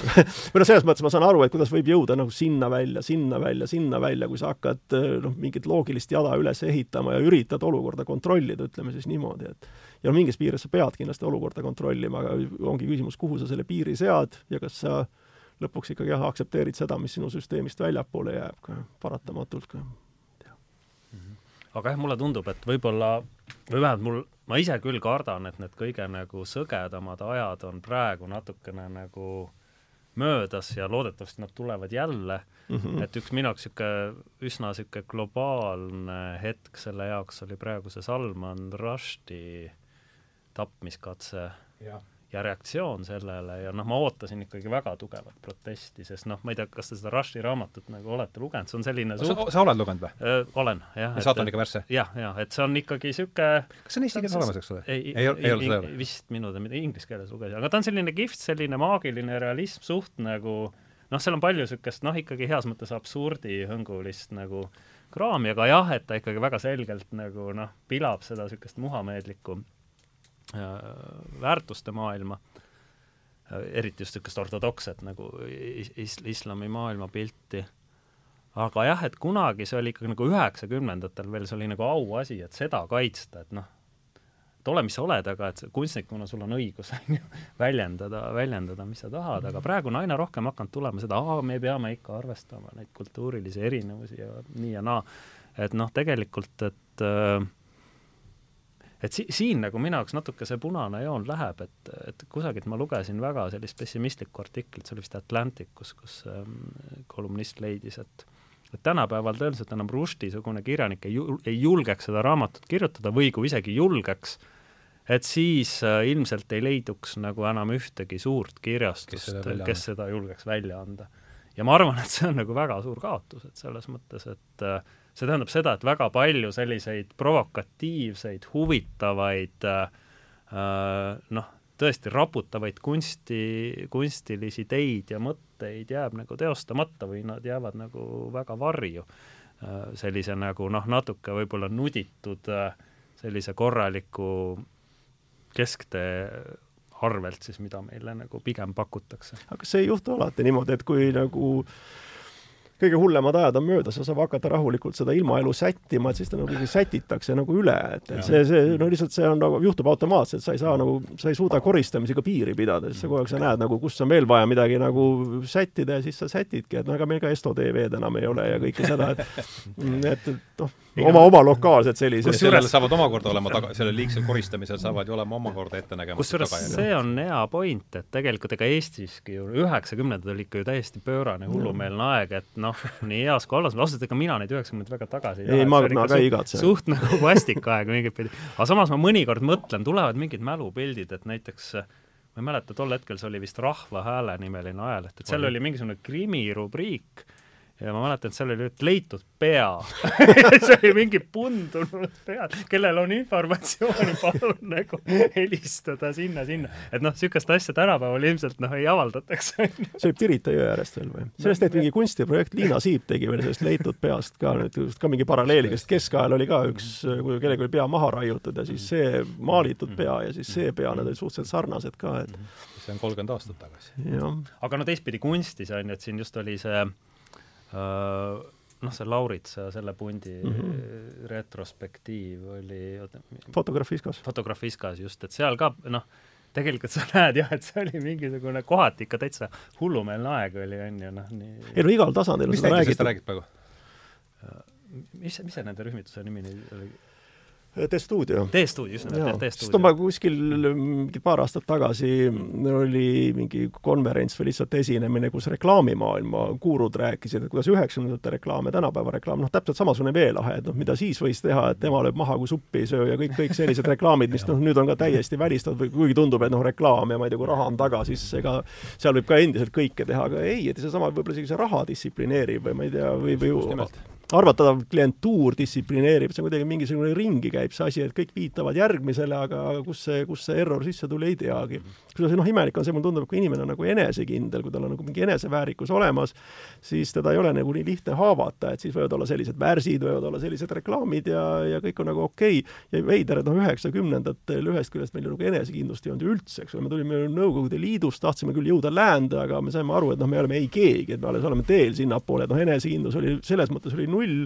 aga samas noh, ma ei tea, kas see, see läände mineku tuhin oli nii suur, et me ei jõudnud seda noh, seda kribu-krabu nagu üldse noh, kõik, mis nagu seostus läänelikkusega, tundus lahe selles mõttes, radikaalsed reklaamid, ma ei tea, kuritegevus, narko, prostitutsioon, kõik tundus lahe, sest see on kõik noh, see on see uus hea ilm, mis nüüd kohe-kohe nagu tuleb, et me ei hakanud seda juba ette nagu taunima, aga nüüd tundub, et me juba teame, mis värk on ja siis, siis hakkabki nagu pihta, et see on ikkagi halb, see on nagu hea, seda igaks juhuks ei proovi, et mis siis juhtub, kui, et ja kuskilt lähebki kindlasti piir, et kuskil ongi mingisugune piir, et kus nagu noh, et ära, ära seda küll tee, et, et ära nüüd, ära nüüd tapma hakka, eks ole aga mis te sellest mõttest arvate, ei ole ammugi uus, aga et kõik sellised suured muutused äh, ühiskonnaelus hakkavad ikkagi pihta kunstist, et äh, mm. Et väga tore kuulda. kas siis, kas siis muusikas või, või, või, või kujutavas kunstis, et no võtame Rene, ütleme see, see, millele sina tähelepanu juhtisid siin alguses, et see, mida me praegu peame, eks, enesestmõistetavaks, on niivõrd väike osa sellest suurest maailma, maailma ajaloost, et et, et see nii jällegi nii vähe, kui mina sellest aru saan, hakkab kusagilt ikka, see suur pööre algab kusagilt renessansist pihta, läheb edasi reformatsiooniga, siin me oleme purit-, selle puritanismi juures jälle tagasi, sealt teadusrevolutsioon ja siis valgustusajastu, valgustusajastu peale, et mind huvitaks ennast jällegi kasutada juhust, et te siin olete, et et, et ja, ja andes aru, et kumbki teist ei ole tõenäoliselt renessansi e-, ekspert jälle, mina ammugi mitte, aga et mis, kuidas teie just niimoodi asja seesolijatena äh, seda, et mis juhtub seal ikkagi siis muusikaga renessansi ajal ja sealt edasi ja mis juhtub maalikunstis, et see oleks jällegi asi, mis mulle pakuks endale suurt, suurt huvi, just need, tänu nendele teemadele, millele üle ma siin olen pidanud viimasel ajal mõtlema. No ma kohe ütleks selle peale, et jällegi tulles tagasi oma vana joru juurde, et et asjad ei ole nii lihtsad, et me peame täpsustama, mis geograafilist piirkonda me silmas peame, mis kunstiliiki me silmas peame, et renessanss jõudis erinevatesse Euroopa piirkondadesse väga erineval mm -hmm. moel ja väga erineval ajal ja, ja näiteks noh, Bach on ju, kes on üks suurimaid võib-olla lääne kunstmuusika tipp, õppe, noh tema puhul räägitakse, et ta ikka veel otsapidi oli keskajas ja see peegeldas võib-olla mm -hmm. seda saksa kultuuriruuma eripära, et seal olid mingisugused väga vanad kihistused, mis ikkagi veel toimisid mm. -hmm. et noh, mingit pidi veel trubaduuri kultuur veel kestis seal oluliselt pikemalt kui seal lõuna pool, et ühesõnaga me võib-olla oleme natuke liiga Itaalia kesksed, kui me räägime sellest nagu hästi dramaatilisest renessansi ja pöördest, et, et need asjad olid, noh, madalmaade maalikunst on ka ju hea näide, et see, mis nagu põhja pool Alpe toimus, noh, see oli ikkagi üsna teist kaks laadi, erinevat maailma. üsna teist laadi esteetika kui, kui see, mis seal lõuna pool toimetati ja tõesti see selline sümmeetria ideaal, ühe perspektiivi ideaal, noh, et see kõik maalikunstis ilmselt ei olnud ka nii lihtne. Äh, aga jah, et muusikas noh, et nagu kuidagi see maalikunst vist oli tol ajal, sai selliseks justkui nagu katusdistsipliiniks, on ju, kust, kust, või vähemalt seda käsitletakse nii, et kus nagu mingid olulised, noh, see tõesti, see inimese perspektiivi tulek, et et kadus mhm. ära see mitme perspektiivi asi ja, ja seda, sedalaadi sellist as-, inimlikkust otsitakse ka siis ilmselt nagu teistest kunstidest siis noh, sel-, sel-, ilmselgelt toimub mingi suur perspektiivi muutus, eks selle neljasaja aasta jooksul niimoodi laiemalt. no toimub, aga ma mõtlen, et kui natuke sügavale minna, et noh, ka väga paljud asjad ikkagi ka kestavad edasi, et võib-olla me tahame nagu näha seda, seda dramaatikat seal rohkem kui noh. ei no aga see me ju äh, alustasime sellest pihta, et see, mis praegu on, on niivõrd mm. erinev sellest, mis on olnud, eks, et seda me mõlemad no, võts, siin... selle me võtsime mõlemad omaks. jaa, aga siin, aga siin on ka nii objektiivne asi, et üks-kaks last versus kümme last, noh, ma arvan, et siin, ja, ja, siin on, siin on nagu raske vastu vaielda. see on jällegi, tuleb ju mingit laiemalt kultuuripinnaselt, eks. nojah, aga see tuleb, see on niivõrd, mis selle asja eluiga on, võib-olla sada aastat või noh, see on ikka mm. palju noorem kui renessanss. No muidugi. et, et, et kui mõelda, et nagu inim-. sealt hakkab see suur, ma paneksin selle suure muutuse alguse sinna ja veel, veel kord, et ega see, et ma midagi arvan, ei pruugi tähendada seda. ma selle sinna paneks, et ütleme, no väga lihtne asi, kuidas inimene valu äh, kogeb, kui mm -hmm. palju ta valu kogeb, mis on oodatav eluea pikkus, ma arvan, et see on nagu väga oluline, mm -hmm. meil on võib-olla seda raske ette kujutada, aga et anna värvi, anna värvi juurde siin sellele valu aspektile, see on oluline muidugi ei no lihtsalt see, et me oleme ju harjunud sellega, et valu ei kuulu elu juurde mm. laias laastus La. valu ja surm ei ole oluline osa tegelikult mm. inim, inimkogemusest justkui, et me nagu lükkame selle natuke kuhugi äärealale ja kipume seda noh, kipume sellest nagu noh, kuidagi üle minema. aga, aga see, see jällegi, see, see ei ole see on, ma arvan, pigem suht-, suhteliselt nagu uus asi, sest millal need antibiootikumid leiutati või ava-, see oli jah, võib-olla sada, sada aastat on seda, seda, seda nagu õnnist aega meil olnud ja kus tõesti, et iga lapse väärtus ka muutub selle võrra suuremaks, kuna see tõenäosus, et nad ellu jäävad, on, on nagu oluliselt suurem. Ja ärme selle laste arvule keskendu, see on ikkagi mm. osa mingist suuremast just, just, aga noh, see, mis see renessansi on, ma ei tea, minu jaoks võib-olla see renessanss ja suur muutus on see ikkagi see uue maailma avastamine et, et mhm. see, et see et see selline nagu noh, mis on ka mm. nagu seotud selle mingi niisuguse noh, faustiliku pürgimusega ja. kuhugi, mis, mis omandab mm -hmm. täiesti pöörased mõõtmed ja mis viib mm -hmm. selle, muuhulgas siis selle Ameerika sellisele nagu noh, üleliigsuse kultuurini mingit pidi võiks öelda, sellest on ju palju kirjutatud, Ameerikas näiteks toiduportsjonid, kuivõrd palju suuremad nad on võrreldes Euroopaga mm -hmm. ja väga paljudes asjades, suured autod on ju, suured, suured majad ja nii edasi. et noh, võib-olla see selline mingi ahnuse või, või, või kuida-, või, või positiivsemalt öeldes nagu täitmatuse janu, janu nagu määr kultuuris nagu tõesti omandas mingid enneolematud mõõtmed ja ja selles, selle järellainetusest tõenäoliselt me elame tõesti mm, ikka veel. täitmatuse määr, jah ja. huvitav. ma arvan ka, et üks on see, mis nagu inimene ise mõtleb ja mis noh, enamalt jaolt varem või hiljem ei pea jälle paika, aga teine on see selline ma ei tea, inimene nagu taim, et mis lihtsalt füüsiliselt juhtub, et noh, kas paistab päike või ei paista päike, on soe või külm ja see mõjutab teda rohkem ja ma, huvitav, kui palju tegelikult see Ameerika avastamine, no mis on nagu selline ülev, ülev asi, et vaata, mis me kõik ära tegime, et kui kas see natuke, see pettumus ka nagu pinda käis, et noh, nii valesti nad prognoosisid, nad ei teadnudki, et on Ameerika, et enne Indiat on veel midagi, et, et noh, tegelikult see täielik fiasko ju, et noh, mindi nagu mingite plaanidega, siis tuli välja, see plaan on totaalselt vale, et noh, komistati küll millegi suure otsa, aga just nimelt komistati, et see ju tegelikult ei olnud plaani osa, tuli välja, et see oli lihtsalt nagu nad lollid läksid ja vaat, vaat mis leidsid, eks ole. et kas see käis ka neil kuidagi au pihta või, või, või ei olnud see tollel ajal eriti teemaks? või, või siis teine variant, et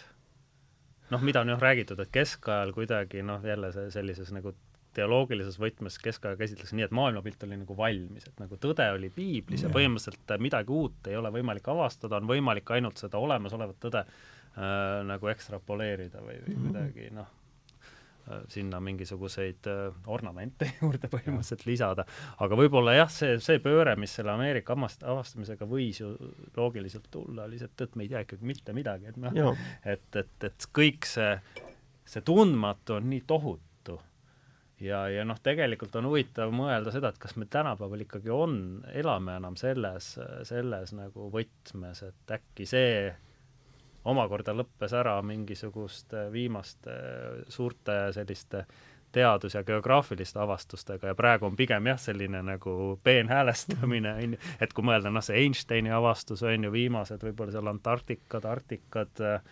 mõned veel äh, väiksemad asjad, aga põhimõtteliselt meil see maailmapilt justkui on nagu juba noh, võiks öelda valmis, mis ei tähenda, et ta selliseks jääks, äkki noh, loogiline on, et meil, et ikkagi on väga palju asju, mida me ei tea no, järgmine... kindlasti, kindlasti on. see maailmapilt on ju samal ajal valmis, maailmapilt on oma, omakorda justkui nagu mingi raudpuur, milles me siin nüüd sipleme. aga me ja... nagu arvame jah, et me nagu olulised asjad oleme ikka justkui nagu vist avastanud. no järgmine pidi olema kosmos, aga sinna lihtsalt, et noh, sinna Ameerikasse lihtsalt ei jõutud, et noh, nibin-nabin kuu peale, aga Marsi peale enam mitte, niisugune kosmose koloniseerimine, mis oleks siis peaaegu peaaegu lõputu olnud, et kui palju seal neid tähti ja kõike on, et sinna tuli ikkagi pidur peale, et, et ma ei tea, kuidas, no siis oleks asi saanud nagu selle loogikaga edasi kapata, aga mina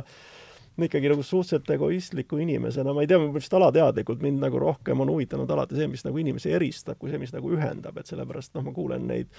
neid epohhe ja neid, neid, neid katuskirjeldusi, et mul nagu ükski närv eriti sees ei liigu, et, et noh, pigem ma olen ise vaadanud üllatusega no kas või mingites renessansi meistrites ja no kui palju, kui, kui erinevad nad on, mulle tundub ka, et noh, ma umbes tean seda, et kui suur ja kui pruun mingi pilt on ja siis äkki vaatad, vau, et mis nad teinud on, et hoopis täitsa teistmoodi, et see mees näiteks siin või see mees seal hoopis ja noh, hiljem, see naine veel ja ja, ja noh, mind ennastki on alati ikkagi nagu häirinud see, kui on öeldud, noh näiteks ka minu kohta, et, et kuule, et noh, popkunstist mõjutatud või midagi või popkunst, mind pole kunagi popkunst huvitanud selles mõttes, ma pole kunagi sealt reaalselt mingit inspiratsiooni saanud, aga mingite formaalsete tunnuste põhjal saab seda sinna kangutada küll kuidagi, aga noh, see ongi jälle see, et ütleme, renessanss, aga mida see Tintoretto tegelikult mõtles või mis, mis teda drive'is, eks ole, kus, kus kohas tema see ora oli, mis koha peal, et, et no kindlasti olid seal ka, olid doodžid, oli, oli jumal, eks ole, aga, aga noh, kindlasti oli ka tema enda isiksuse mingisugused probleemid ja midagi, mis, miks ta just teistmoodi maalis kui teised tüübid, miks ta nii jultunult seda, seda karmiinpunast kasutas, miks ta nii lahtiselt maalis ja noh, need, need eripärad tulevad ikkagi välja ja ma arvan, noh, tegelikult sel inimesel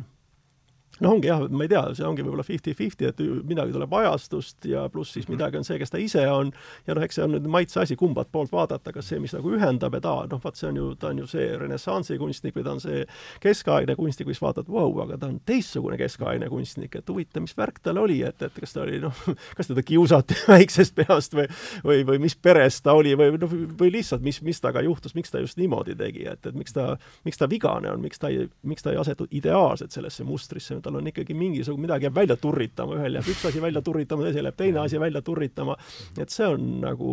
huvitav ja eks noh, ta tollel ajal ka turritas, ega ma ei tea, kui palju siis millestki, kui palju neid termineid oli, aga aga ma arvan, noh, inimene ikkagi selles mõttes on ühesugune, et kõik on mingil moel veidrikud, et noh, proovivad teha parimat, mis nad suudavad ja ja kas see veidrus on siis õige või mitte, et ühel hetkel kuningas ütleb, kuule, tule sina, et mulle meeldib see, kuidas sa teed. Ja siis vaatab, oh õnneks, et see minu veidrus läks nüüd leidis nagu äramärkimist õnneks, aga noh, ise põdesin küll, et näed, kuidagi niisugune imelik olen natuke, et püüan, püüan, eks ole, et proovin olla nagu teised, aga näed, välja tuleb ikka nii nagu alati aga võib-olla üks oluline aspekt ka, ma mõtlen, mis äh, noh, mis jällegi, et me mängib ju nii palju nende kultuurimurrangute ja mentaliteet, mentaliteedi murrangutega kaasa, on ikkagi sellised suured kataklüsmid ja noh, ütleme, et seal renessansi aja piirkonnas oli neid ikkagi päris palju, on ju, see must surm, saja-aastane sõda, reformatsioon üsna varsti, noh, siis äh, sellest veel nüüd baroki ajal juba kolmekümne aastane seda, mida seda. loetakse sisuliselt niisuguseks esi, noh, maailmasõja mastaabis mingiks tohutuks nagu jah, kui neil oleks tuumarelvad käes olnud, siis nad oleks saanud varem õhtul kindlasti. õuduseks. Ja siis ongi see, et noh, kunstil, et kuidas see kunst, on ju, sinna reageerib, et, et et kohati ta reageerib üllatavalt nagu seda, seda häda ja, ja, ja viletsust ignoreerides ja noh, võib-olla seal nagu noh, ka tuleb see välja, et, et ega inimesed tihtipeale kunstilt ei ootagi seda, et ta nüüd nagu üks-ühele kajastaks kogu seda jubedust, mis meie ümber, eriti kui seda jubedust on väga palju, et võib-olla just noh, tahamegi mõnikord sellest nagu, taha, tahame kuhugi kõrgemale, kõrgemale püüelda, et muidu see jubedus kogu aeg hoiab meid nagu maa peal, on ju, et, et see ei ole noh, mulle tundub, et tänapäeval jällegi, kus me elame sellises heaoluühiskonnas, et seda heidetakse kunstile ette, kui see on justkui selline eskapistlik, on ju, et kunst peaks ikkagi noh, tegelema nende valupunktide ja probleemidega, mina ei ole selles üldse kindel, et ma arvan, et kunst tegelegu sellega, mis on nagu kunsti, kunstniku enda jaoks nagu mõttekas, sügavalt mõttekas ja oluline ja ja, ja siis ongi hästi. aga jah, et, et kuidagi jah, see dünaamika on huvitav, et, et, et kas kunst nagu pigem nagu vaatab sellest, vaatab kuhugi kõrgemale ja kaugemale või, või siis väga otseselt äh, nagu noh, tegeleb selle siin ja praegu nagu kontekstiga, et, et mulle tundub, et ega tegelikult suures pildis ei ole ikkagi vahet, et äh, noh, ongi nagu kaks varianti, et kas sa mm, kas sa astud mingi nähtusele ligemale ja proovid seda siis kajastada või siis sa vastupidi proovid seda ignoreerida, aga noh, tõenäoliselt aeg või see saab su ikkagi kätte ühel või teisel moel, mhm. aga lihtsalt see varjud, varjud, varjundid on teised, et, et ühel juhul, kui sa proovid seda asja kajastada, siis pigem sinu, kuidas öelda, sinu nagu lihtsameelsus ja see, läbi selle see inimlikkus paistab nagu mhm. välja. ja teistpidi, kui sa proovid nagu eemale minna, siis sa räägid sellest, millest sa tegelikult tahad rääkida, aga noh, siis on ikkagi näha, kuidas see aeg on su kätte saanud, kuidas mingi loor ikkagi laotub selle üle, mida sa teed. nii et, et noh, selles mõttes on ikkagi nagu mõlemad, et on see isiksus ja on see aeg aeg, et, et ükskõik kumb, kumbat moodi, nii et mulle tundub ikkagi heas mõttes nagu valikut ei ole, aga see on nagu maitse asi, et kumbat sa tahad, et sa pead tegema seda, mida sa päriselt teha tahad, et kui sa tahad olla nagu plakatlik, rääkida probleemidest nii, nagu nad päriselt on või, või nagu ma ei tea, aeg ootab ja nõuab seda, siis noh, lase käia, Majakovskid, värgid, et muidugi tore, kui see tõmbab sulle energiat käima ja tšakrad lahti, siis loomulikult, et pole mingit küsimustki. noh, ei, ma ütlen, et see just, et kas see kunst on äh, nagu sellisel juhul juba muutub selliseks natuke uudise pealkirja mm -hmm. või kolumni formaadiks, et siin noh, ma ei tea, hea näide oli seitsmekümnendatel ka kommunistlik hellilate rühmitus, kus muuhulgas kirjutati selline teos nagu Vietnami sonaat. noh, et see praegu ikka kõlab nagu minu jaoks on küll natuke totakalt, et, et noh, et siin on natuke see, et et ka, kas Picasso Guernica, mis on iseenesest ju suurepärane maal, või Munki karje, et kuidagi see üldistusaste, aga vot, vot Picasso puhul muidugi see, et seal see üldistusaste ikkagi ka tekib ja et me, me ei vaata seda ainult kui seda üht, ühte konkreetset sündmust, vaid me nagu noh, see üldistus kasvab sealt kuidagi suuremaks, et äkki see, see kuidagi eristab siis neid, neid erinevaid see, see ongi taseme küsimus, ma arvan mm. -hmm. et, et ja noh, ainuke, mis meid nagu päästab, on see, et kui kõrgemale, kõrgele me suudame mööda seda treppi joosta, et, et noh, jälle, et kui siin võib-olla isegi nii-öelda tõmbab käima see ideoloogiline trepp ja kui sa jõuad piisavalt kõrgele, siis öeldes küll, et jah, ta oli küll oma ajastu ja aeg polnud muidugi väga hea mm -hmm., tolle ajastu looja, aga noh, ta on kuidagi sellest ajast üle, et seal on ikkagi seda mingit kunstilist sisu ja väärtust ka, vist oli, vaat, kirjanikel on nüüd ju see aastapäev ja tehakse neid saateid teles, seal oli pikalt Šmuulist juttu, et mm -hmm. kes oli ka ikkagi lihtsalt nii neetult andekas, et ta nagu elas kõik need asjad nagu üle ja elas ka oma aja üle ja seal on ikkagi, on midagi, kuigi ta oli padu, paduideoloogiline seal, kus vaja ja kõik, aga aga noh, vaatamata sellele ja noh, keegi teine ka, kuidas öelda, rahuajal ja ükskõik milliste stiimulitega ei suuda ikkagi teha mida, no ikka on seda piinlik vaadata natuke, kuigi seal ei ole mitte mingit ideoloogiat, aga ta on lihtsalt seda keskpärasust on piinlik vaadata, seal midagi muud ka ei ole ja noh, Koernika tõesti, ma olin ka rabatud, kui hea töö see ikkagi on ja ma mõtlesin kus ka, et see väljas on praegu? Prados et, et, et noh, tegelikult minu jaoks ei ole selle sõjaga mitte mingit pistmist, et noh, see on ka jälle see asi, et, et noh, on see nüüd häda või mitte Picasso jaoks, ma ei tea, aga noh, minu jaoks ei ole see mitte sõjavastane töö, see on lihtsalt suurepärane töö kõigi oma kompositsiooniliste kõikide nende plussidega, et, et noh, ega ma siis ma ei teagi, noh, ma ütlen, see on suhteliselt nagu naeruväärne, et kas nüüd keegi vaadates mingit teost otsustab, et kurat, näed, et mul just oli mõte, et ma lähen nüüd inimese tapma, aga nüüd ma mõtlen ümber, et see ikka ei ole hea mõte, et või noh, nii, nii lihtsalt need asjad ju ei käi, ma arvan, need asjad käivad küll niimoodi, aga nad käivad nagu keerulisemalt, et kui sa oled saanud kui sa oled näinud nagu elu oma heas mõttes rikkuses ja rafineerituses, siis sa lihtsalt mingisugused väga primitiivsed mõtted jätad lihtsalt automaatselt kõrvale, see tundub, et noh, see on kuidagi, no sa ei tee neid asju lihtsalt, sest et noh, saab palju kuidagi huvitavamalt ja paremalt ja, ja noh, kuidagi see, sedakaudu käib see areng, aga mitte, mitte nagu sellise sloganiga, et kuigi noh, ma ei tea, piibli seitse või palju käsku, et noh, seal oli väga lihtsalt ja selgelt öeldud, et noh, võib-olla mingid asjad võivad olla ka sul kuhugi suurelt üles kirjutatud, et nad võiksid sul nagu meeles olla, aga noh, see isiklik areng käib ikkagi läbi mingite nüansside ja mida nü-, nüansseeritum su elu on, seda vähem sa lahendad võib-olla olukordi mingil kirvemeetodil, et ja noh, kindlasti mingid tapmine ja selline on suhteliselt kirvemeetod, et saab ju jumalikuga teisiti ikkagi. no muidugi oht on ka see, et sa võid neid äh, jubedusi teha ka siis väga nüansseeritud ja rafineeritud moel, see, see võimalus on paraku ka olemas, on ju, nii et et, et noh, noh natuke see arvamus, et kultuur nagu päästab maailma või kunst päästab maailma, et seal ei no ta, ta ei garanteeri, ta ei garanteeri midagi, aga sa võid olla väga esteetiliselt sofistikeeritud maitsega, aga ikkagi mm -hmm. inimesena jätis no mingi ventiil, no see on nagu see yin-yang, et ega musta sees on alati valge täpp ja valge sees on must täpp, et see, see jääb tõenäoliselt alles, aga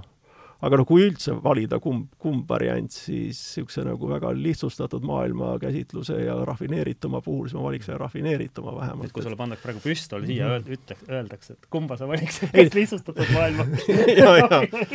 ei no minu jaoks on ma olen lugenud, et Põhja-Iirimaal või kusagil mingi hetk oli see, et pandi püstol, et kas oled katoliiklane või protestant ja sa ei tea, on ju, kes seda küsib ja siis just tekib see, et kui sa oled näiteks, ma ei tea, budist või -hmm. mingisugune muu, et mis sa siis ütled ja mis ta, mis ta siis teeb ja mis ta siis ja mis sa, jah, täpselt, ja mis ta siis teeb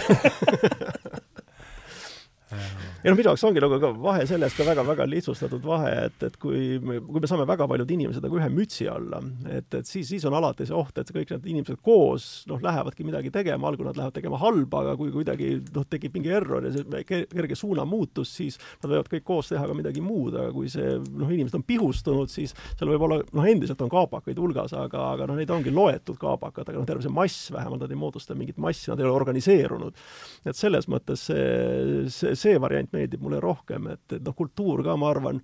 mul ikka jälle egoistina meeldib vaadata, kuidas see pigem heas mõttes killustab inimesi, et kõik inimesed on unikaalsed, nad on isiksused ja nad noh, saavad küll üksteisest aru, aga nad ei koondu mingiteks nagu plokkideks ja liitudeks ja ma ei tea, milleks kõik, et, et see on, see side on kuidagi selline teistsugune, ta ei ole niisugune noh, niivõrd distsiplineeriv, ta ei ole niisugune militaarne või selline, et, et sa saad inimesed nagu et selline hete, heter, hetero homogeniseeriv alge siis nagu just. jaa, -hmm. et sa kuidagi tolereerid, sa aktsepteerid, aga see ei tähenda, et, et sa nii-öelda, sa ei käi ühte jalga, vot see on ka jälle mingi niisugune militaarne paralleel, et, et, et, et ei lähe kolonnis kuhugi seepärast veel midagi tegema, et sa mõistad seda, aga ütled jah, et ma mõistan, aga ma olen ise teistsugune, aga okei okay,, noh, nii ongi, et aga ei ole niisugust meie nüüd, et noh, meie teeme nüüd seda, meie parandame nüüd maailma, meie nüüd muudame seda, algul sa parandad ja niisugune märkamatult ta läheb juba üle selleks, kuidas on ikkagi vägivald kellegi kallal, aga noh, vägivald see on ikkagi heal eesmärgil, sest me parandame maailma, siis ta kasvab veelgi, kuna see maailm ei parandu nii kergesti ja siis no kunstis ju futurism oli selliseid võib-olla äkki viimaseid väga suuri sellisest äh, nagu ajendist lähtuvaid, lähtuvaid voolusi, kusjuures noh, paradoksaalne on see, et, et äh, selle äh, kiiluvees tegelikult tehti väga sofistikeeritud ja huvitavaid asju, aga need sloganid, noh, ma ikka mõnikord. Äh, lihtsalt huvi pärast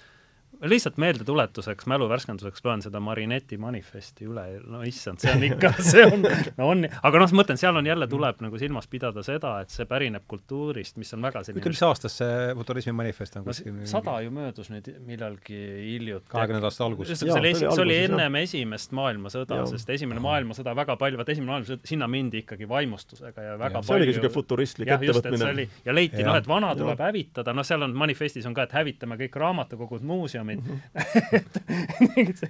sellised, sellised nagu äh, punktid, aga,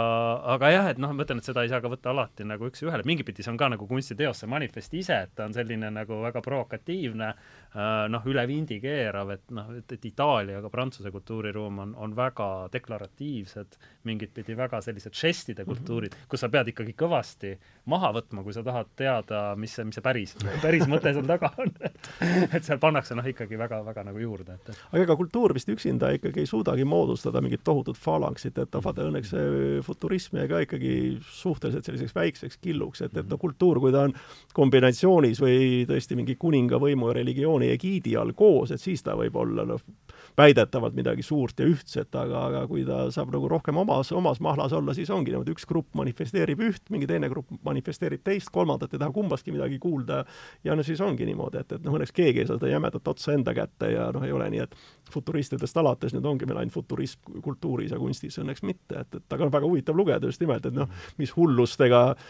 manifesti tasandil, aga päris okei okay töödega lõuendil mingi seltskond välja tuleb. Ja noh, jälle ma ka nende futuristide töid vaadates ma nagu õhkan pigem selle tohutu naiivsuse ja primitiivsuse järgi, et noh, kui kui inimlikult nunnu see kõik on, et mida nad rääkisid, hoog ja liikumine, siis sa näed mingeid pisikesi lõuendeid, kus on kuidagi midagi plötserdatud, ma saan ju aru, mida te mõtlesite, aga no ega sorry, noh, võib-olla tollel hetkel ta võib-olla oligi väga futu, aga nüüd sa vaatad pigem selline, et noh, nagu vanaema oleks mingid kampsunid kudunud, selline niisugune lihtne, soe ja noh, mingit futut ja mingit minekut seal nüüd küll väga ei ole, et, et noh, markeerib lihtsalt mingisugust mõtet, aga, aga ta on niisugune inimlikult küündimatu, mis teebki ta armsaks nagu, et, et, et noh, alustatakse millest, mingist tohutust paatosest ja žestidest, mingitest töödest, mis on väidetavalt midagi, aga pärast sa vaatad lihtsalt, et et noh, see on inimlik selles kogu selles puudulikkuses ka, et aga Kaido, kas või tea, kuidas sina nagu kunstnikuna tajud, aga ma mõtlen just, et mis, mis võib-olla sedalaadi manifesti äh, laadset nagu noh, väljaütlemised võivad anda positiivset, on just mingit tohutut enesekindlust, et mina nagu küll nagu loojana tajun, et üks suuremaid probleeme on on see lõplikute valikute tegemine, et ütleme, kui sul on mingisugune kakskümmend või rohkem teed, et lõpuks see üks tee sealt nagu võtta ja, ja, ja selle, nende võimalustega piirduda, mida see pakub ja, ja mingit pidi noh, see eeldab ka mingit enesekindlust, mingit, ütleme robustselt öeldes emotsiooni, et sa, sa tõesti tunned, et see on nüüd see ainuõige asi ja ma tahan si-, sealt minna. et minul näiteks tihtipeale suur energia läheb just selle enesekindluse saavutamiseni, et ma leian, et lõpuks ma leian, et see on nüüd ainuke tee ja ma need teised teed, mis on ka huvitavad tegelikult võiksid viia hoopis mujale, et ma need nüüd jätan kõrvale. no vot, siin räägib multitalent, kellel on palju võimalusi ja palju variante, et ma ei ole päris seda nagu kogenud, et mulle tundub, et ma nagu vaistlikult nagu aiman, et mul on ainult üks võimalus, et ma pean mm. selle lihtsalt üles leidma mm., et ma ei saa väga palju erinevaid asju teha ja ma olengi mõelnud, et üks võib-olla üks suuremaid isiklikke draamasid ongi see, kui inimestel on väga palju erinevaid võrdseid teid, et ma võin mm. teha seda, seda ja seda ja kõik tundub, et noh, võiks enam-vähem hästi välja tulla, mida ma siis teen, et, et see, see on päris hull asi, noh jälle see umbes, et ja kui ma ühe asja valin, ma panen kõik muud lukku ja, ja tahad nagu rikkaks saada, mõtled, et raha teeb su õnnelikuks, et nagu sa oled väga loll, võib-olla teebki, aga enamalt ei tee samamoodi noh, an-, annete rohkus, eks ole, et, et noh, kelleks siis tahad, otsusta ära, kas sinust tuleb helilooja, näitleja või kirjanik või hoopis sportlane, seda teed ka päris hästi, noh. ja ongi, ja lõpuks ei tule mitte midagi, sest sa ei suudagi otsustada või isegi kui sa ühte teed, sul ikka kuskil kuklas närib midagi, aga äkki see ei olnud nagu õige, et ega palju polegi vaja, ega tipptulemuse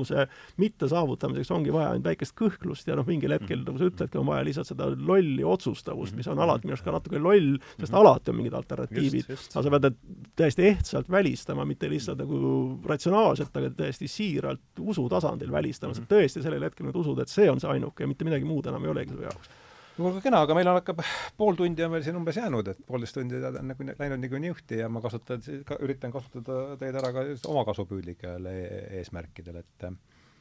et hakkame praegu panema kokku kahekümne viiendat, äh, mõtlema kahekümne viienda lehe peale ja ja see on, äh, kakskümmend viis on juubel ja, ja, ja, ja see tundub olevat mõttekas või tundub olevat mõttekas jah, äh, pühendada sellele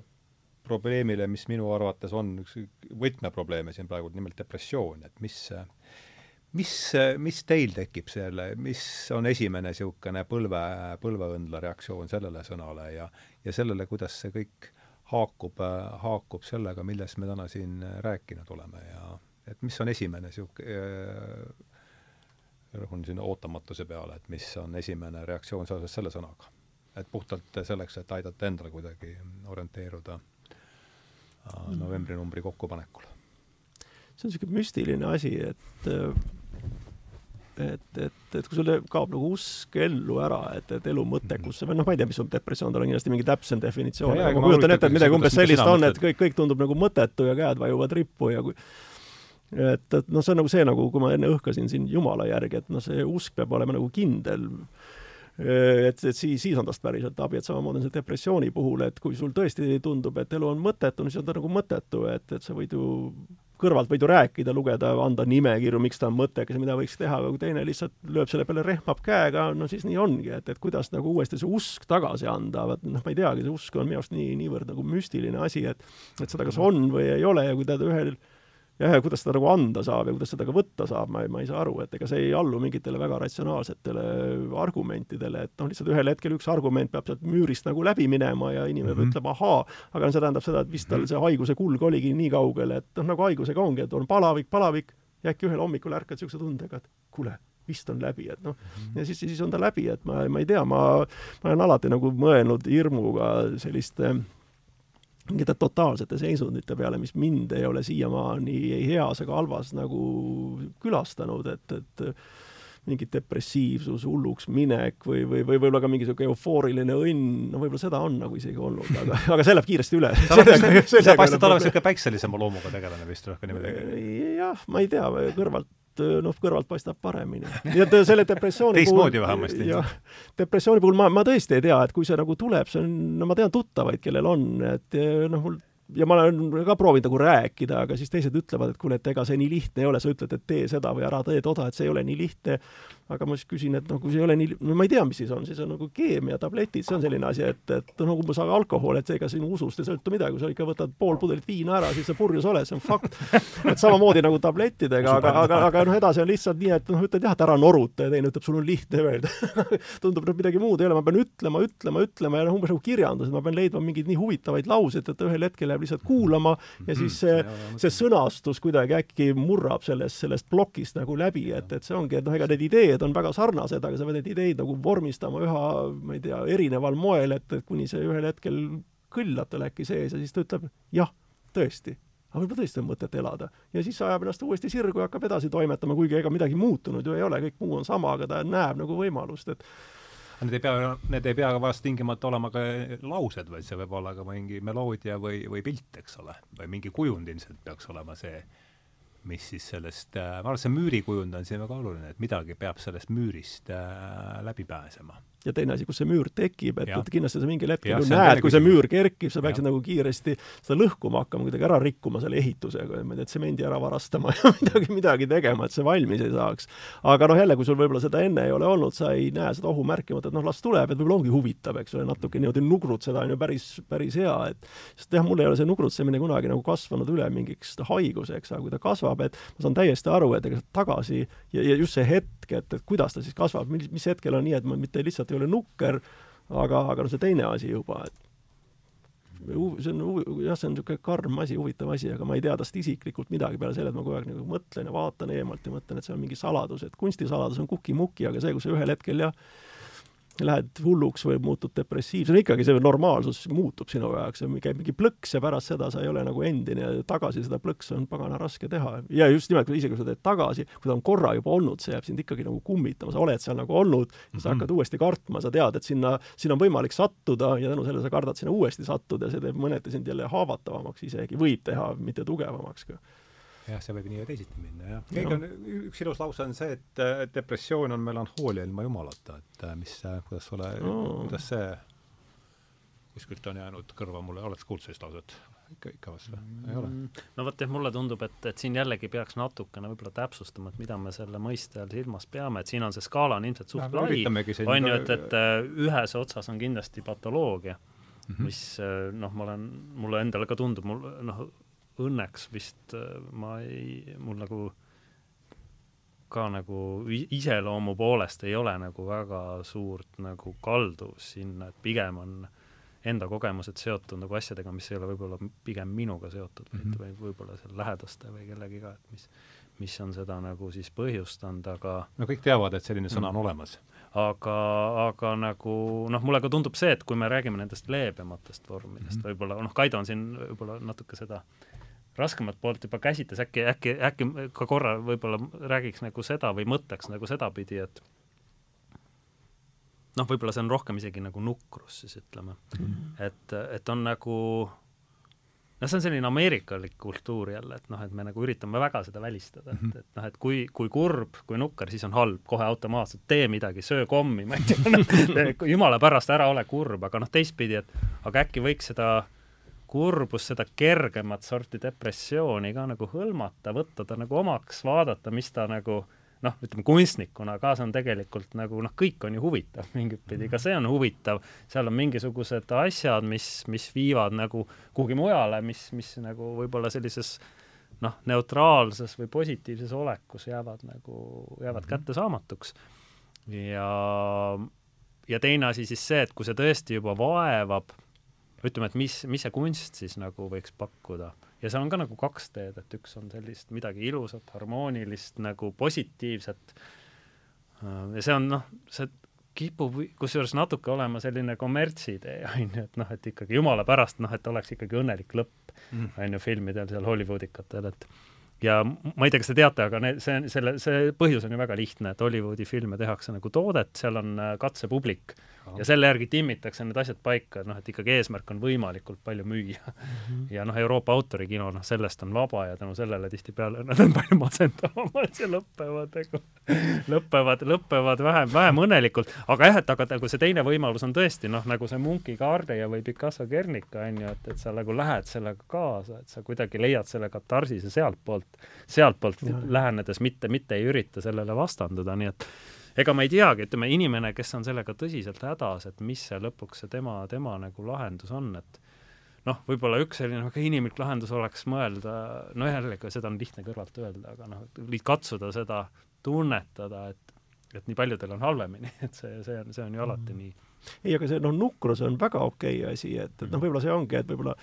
ameeriklased on lihtsalt nii lapsed, nad aimavad, et noh, täna nukrus, homme depressioon, et see ei, lahing tuleb anda kohe, nulltolerants, mitte mingit võimalust, aga seda nukrusega, noh, kas või seegi, kui ma ütlesin, äh, futuristide pildid, et noh, seal on ka nuk-, nukrus, et noh, mehed tulid täies purjes, eks ole, tegid uhkeid asju, aga noh, tegelikult mis välja tuli, vaatad ju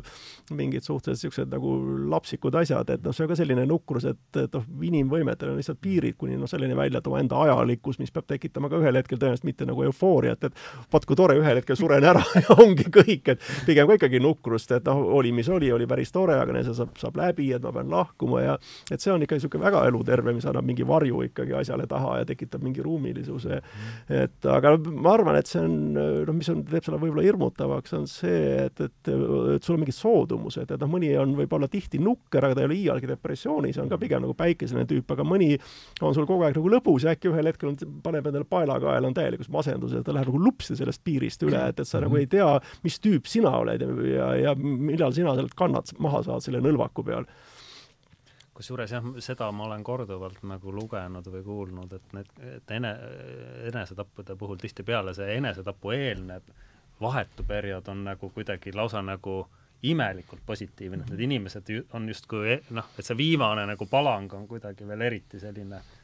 aga see on vist, see on vist üldse enne surma väga tihti seda kirjeldatakse niimoodi, et, et noh, korraks tekib niisugune, niisugune uuesti niisugune energiahari ja niisugune inimene noh, tõuseb voodist püsti ja ise on näha, et ta lubab igasugu asju ja tundub, et kas nüüd tõesti läheb paremaks ja siis on pumpsti järgmine. räägitakse, et Alžeimerit põdevatel inimestel tuleb enne surma just midagi, terminal lucidity on vist see mm -hmm. mingi niisugune mõiste, et hakkavad, tulevad asjad meelde ja, jah.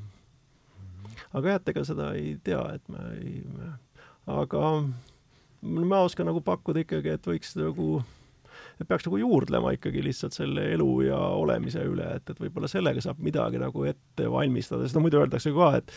mis iganes tasandil, et kuule, ära räägi nii palju tee, et noh, sa räägid selle asja ära ja pärast ei tulegi midagi välja, aga noh, halvaga on ka see võimalus ikkagi, et sa nagu, kui sa nii palju oled mõelnud, siis ta noh, kas ta kaotab oma dramaatilisuse ja paljud asjad lihtsalt ei juhtugi, et, et, et kui sa kogu aeg proovid nagu kõrvale lükata, ei, midagi halba ei ole, minuga midagi halba ei ole, aga kui sa mõtled pidevalt nende võimaluste peale, kui mitte muu peale, siis tõesti oma ajalikkuse peale, mis on minu, minu arvates nagu hädavajalik, et siis sa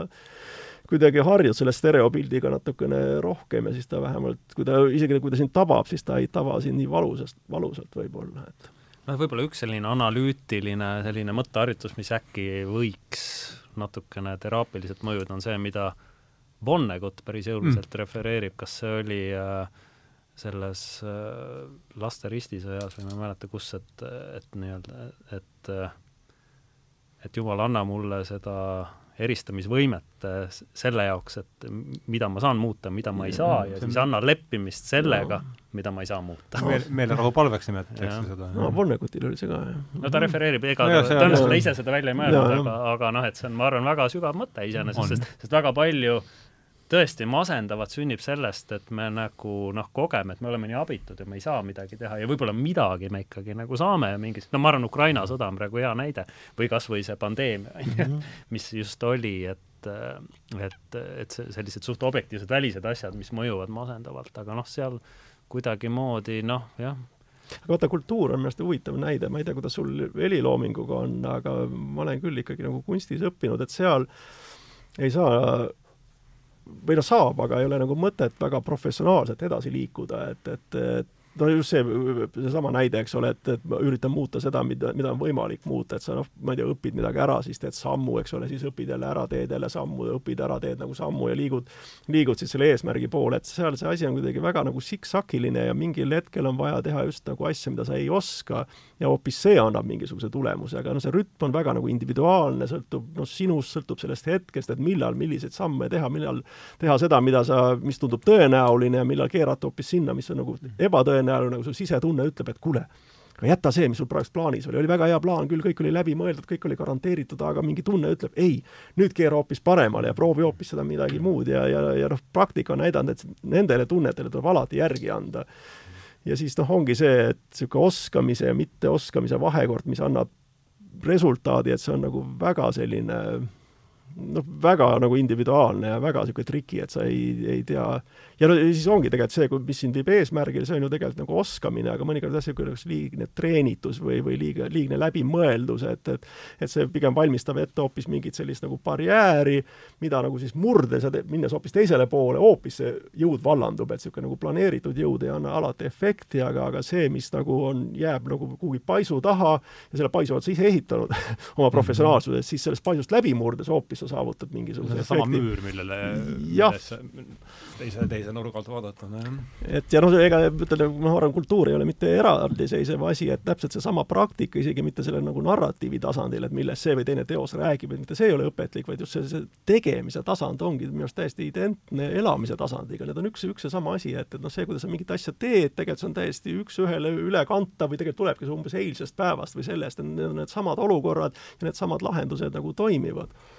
aga jah, see, selleks tuleb olla kuidagi hästi nagu tundlik, valvas ja juurelda selle üle, mõtiskleda selle üle ja et sealt kuskilt. Ja ma arvan, kultuur ongi niisugune nagu mõtisklemise koht tegelikult, et, et sa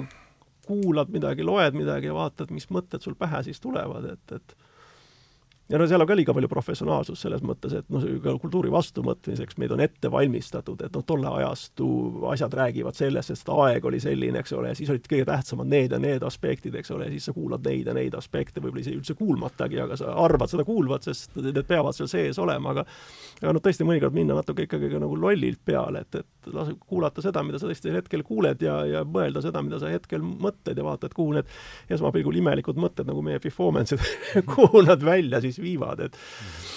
et lubada natuke piinlikkust oma, oma ellu, et, et issand, mis mõte mul nüüd pähe tuli, aga see on ju selline teos, siin tuleks ju mõelda hoopis midagi muud, et jumal, kui labane või noh, midagi, no kui võib-olla esimene mõte ongi labane, aga see nagu vabastab sind, tõmbab selle kardina maha ja siis vaatad, mis pärast seda hakkab nagu arenema, et nojah, mulle ka tundub, et võib-olla sellise nagu noh, võib-olla üks parimaid teraapiavorme väga laias plaanis ongi nagu loomingulisus kui selline. ja mult on ka tihtipeale on küsinud mingid või üldse meelepärane tegevus, eks ole. Äh, no need ei ole päris nagu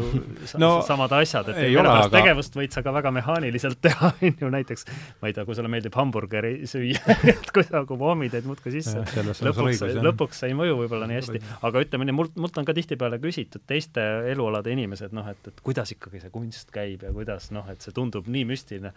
ja ma reeglina üritan neil, neile nagu selgeks teha, et, et minu arust seal ei ole selles mõttes midagi müstilist, et see, millega teie tegelete, võib olla täpselt sama kunstiline ja, ja see, millega mina tegelen, võib olla täpselt sama mehaaniline ja igav kui see, mis teile tundub, et ma arvan, et tegelikult igas asjas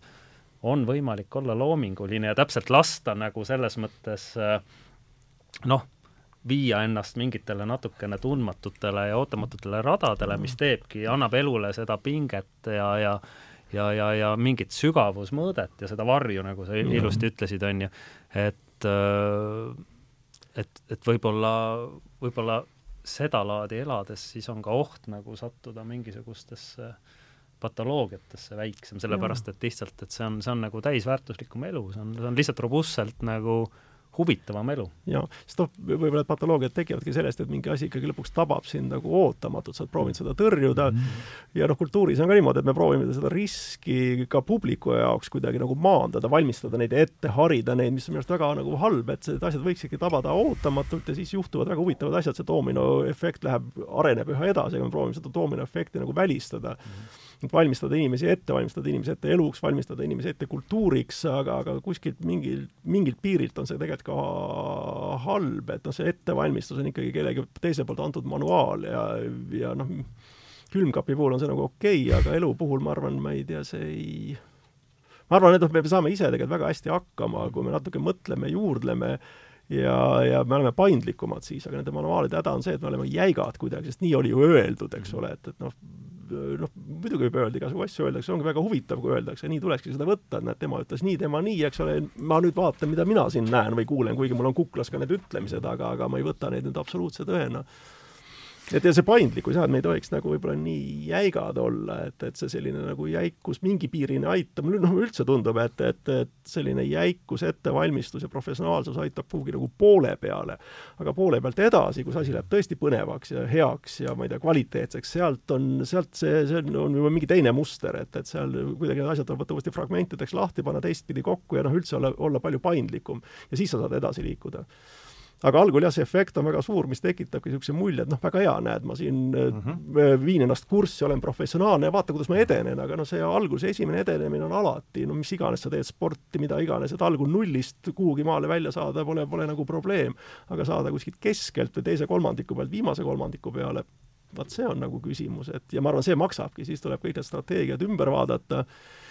ja, ja mulle tundub, et see, millega teed viimast kolmandikku, võib-olla sellega saaks ikka täitsa vabalt ka alustada juba, et see algus ei pea ka üldse nii jäik ilmtingimata, aga noh, selle üle võib vaielda. aga igal juhul tuleb öelda, et, et, et see ei kehti nagu lõpuni, et lõpus tuleb midagi muud ja olge valmis ja seal on nüüd teil ikka väga suur roll, selle te peate ise kokku panema, aga see ongi huvitav, see ongi põnev, ükskõik, kas tegu on eluga, kunstiga, kultuuriga, et, et see ja no just nimelt seal ei ole mingit vahet tegelikult, see noh, elamine igalt poolt saab, ma enda jaoks olen öelnud, et tegelikult igalt poolt viib nagu ma ei tea, redel taevasse, et, et, et noh, vahet ei ole, sa võid igal, igale poole selle püsti panna, et noh, tundub, et nagu sümfoonikul või romaanikirjanikul on nagu suurem tõenäosus jõuda nagu elu mõtteni, aga noh, lihtsalt ta mõtleb selle üle rohkem paratamatult, mingis ametis tundub, et sa ei pea selle üle mõtlema, aga keegi ei keela selle üle mõelda, sest kõik needsamad, kõik see draama rullub ka sinu ees lahti samamoodi, et ja vaata seda, tee sellest omad järeldused. nii, aga meil on nüüd üks kümmekond minutit siin veel vast jäänud koos Ikka olla.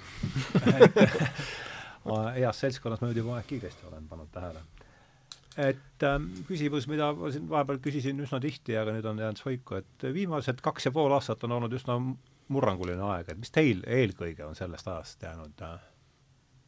üks asi, mis on sellest ajast jäänud eelkõige meelde? Või mitte isegi meelde, vaid eh, mis te olete enda jaoks kaasa võtnud, et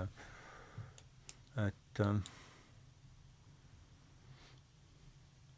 mina mõtlesin, et te olete enda või teiste kohta teada saanud? lootsin, et, et maailmas enam ei juhtugi midagi väga huvitavat ja siis üllatus-üllatus, just sellel hetkel juhtubki ja mitte vähe. ja noh, ma arvasin ka seda, et, et minu arust ma olen kogu aeg sõda kartnud, ma ei tea, mis pagana pärast, aga ma kuidagi sellesse teemasse nagu alati nagu elan nagu sisse, just nimelt, kui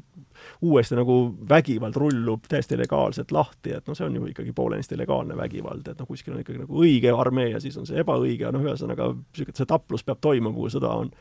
ma olen seda alati tohutult kartnud ja ma mõtlesin, kui koroona tuli, et selge, et see nüüd tõmbab selle asja kõik maha, et oli, mis enne oli, aga see on täitsa uus olukord, et, et, et noh, nüüd nii hea kui halb on pausile pandud, aga tuli välja, et hea võib-olla oli, halb nagunii väga ei olnudki pausile pandud, et said nagu, said mõlemad said selle üllatuse, said teise üllatuse, et see on nii, et ja ma, nüüd ma enam ei oska midagi arvata, ma vaatan nagu homsesse, mõtlen, et, et jumal teab, mis sealt veel tulla võib, et et ei piirdu mu elu ühti ainult laulva revolutsiooni ja nende meenutustega, et vaata, olid üheksakümnendad, varsti me räägime, kus olid kahekümnendad, et sul? jah, võib-olla kui seda üritada resümeerida, et ongi jah, mingi ootamatuse tunne jah, mis on tõesti olnud väga üllatav, sest eh, natuke kippus jah tulema selline illusioon, et kõik on juba vaikselt hakanud paika loksuma ja meie see, need äh, metsikud ja pöörased üheksakümnendad on juba suht äh, niimoodi minevikku vajunud, aga jah, tõesti, et nüüd on, nüüd on midagi sellist täiesti, täiesti enneolematut äh, käimas, mis, mis jah, mille, mille, milleks on olnud praktiliselt võimatu ollagi valmis, on ju. aga noh, mingit pidi see on, see on nagu väga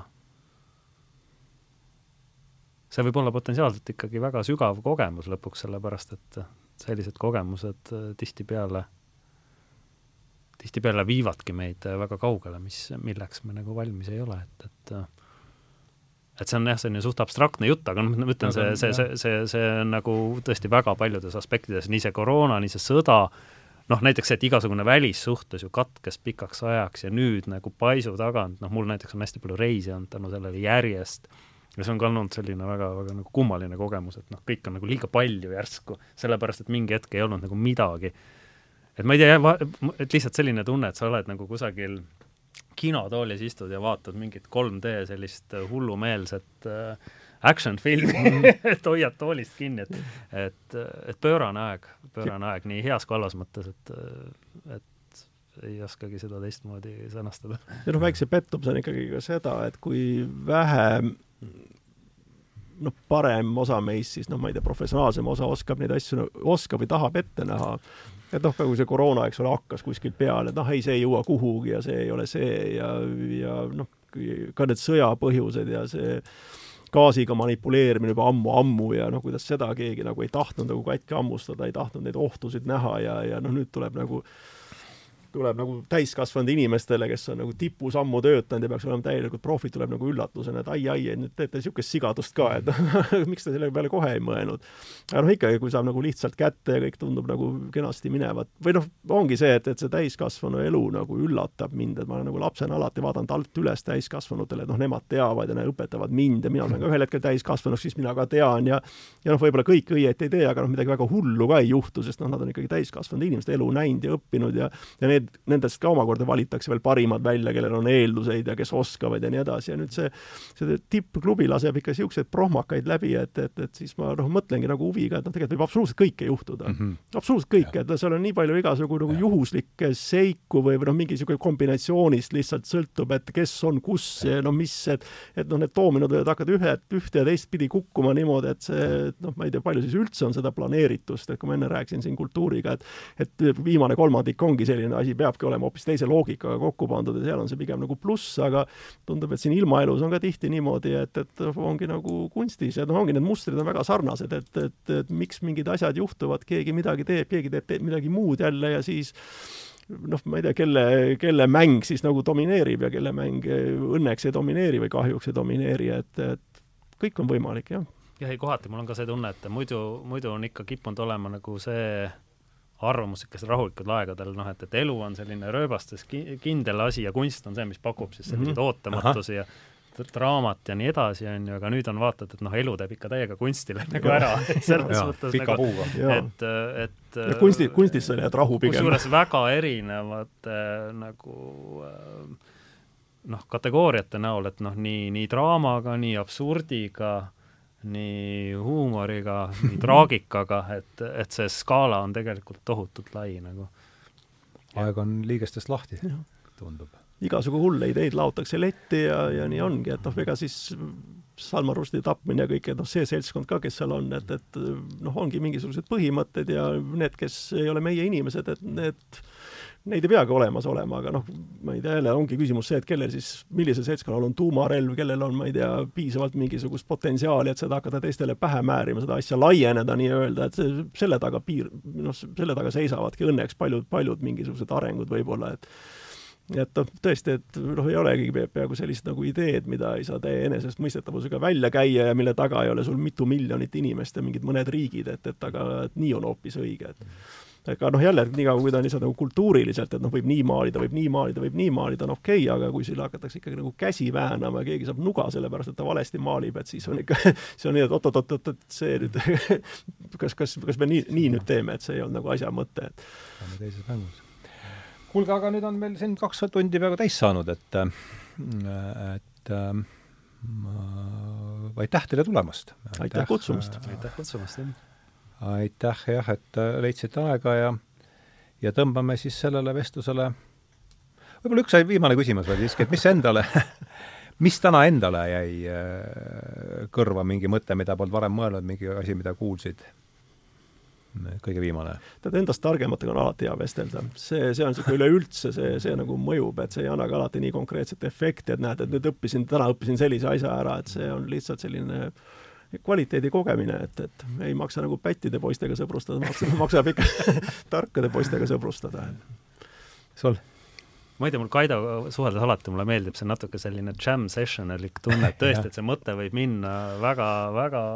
nagu ootamatutes suundades ja see on alati nii nauditav, et sellest ma mingit ühte asja võib-olla ühte mõtet eh, nii ei oskakski välja öelda, kui pigem see nii-öelda vorm ja struktuur on, on see, mis, mis on alati Kaidoga on olnud väga, väga nagu väga kihvt ja, ja seda, seda on talt ka ta täna. Mul on hea meel, õnnestus teid kokku tuua siis äh, pärast äh, performance'it jälle ja, ja aitäh, Kaido Ole, aitäh, Märt Matis Lill, aitäh, Kaie Puldis, aitäh kõik, kõigile neile, kes on teinud vestluse võimalik, sa tahtsid justkui midagi lisada veel ei, ei, mul ongi niisugune nägu et äh, tõmbame siis joone alla ja lähme lahku veel suuremate sõpradena, kui me enne olimegi, et äh, kõik, tema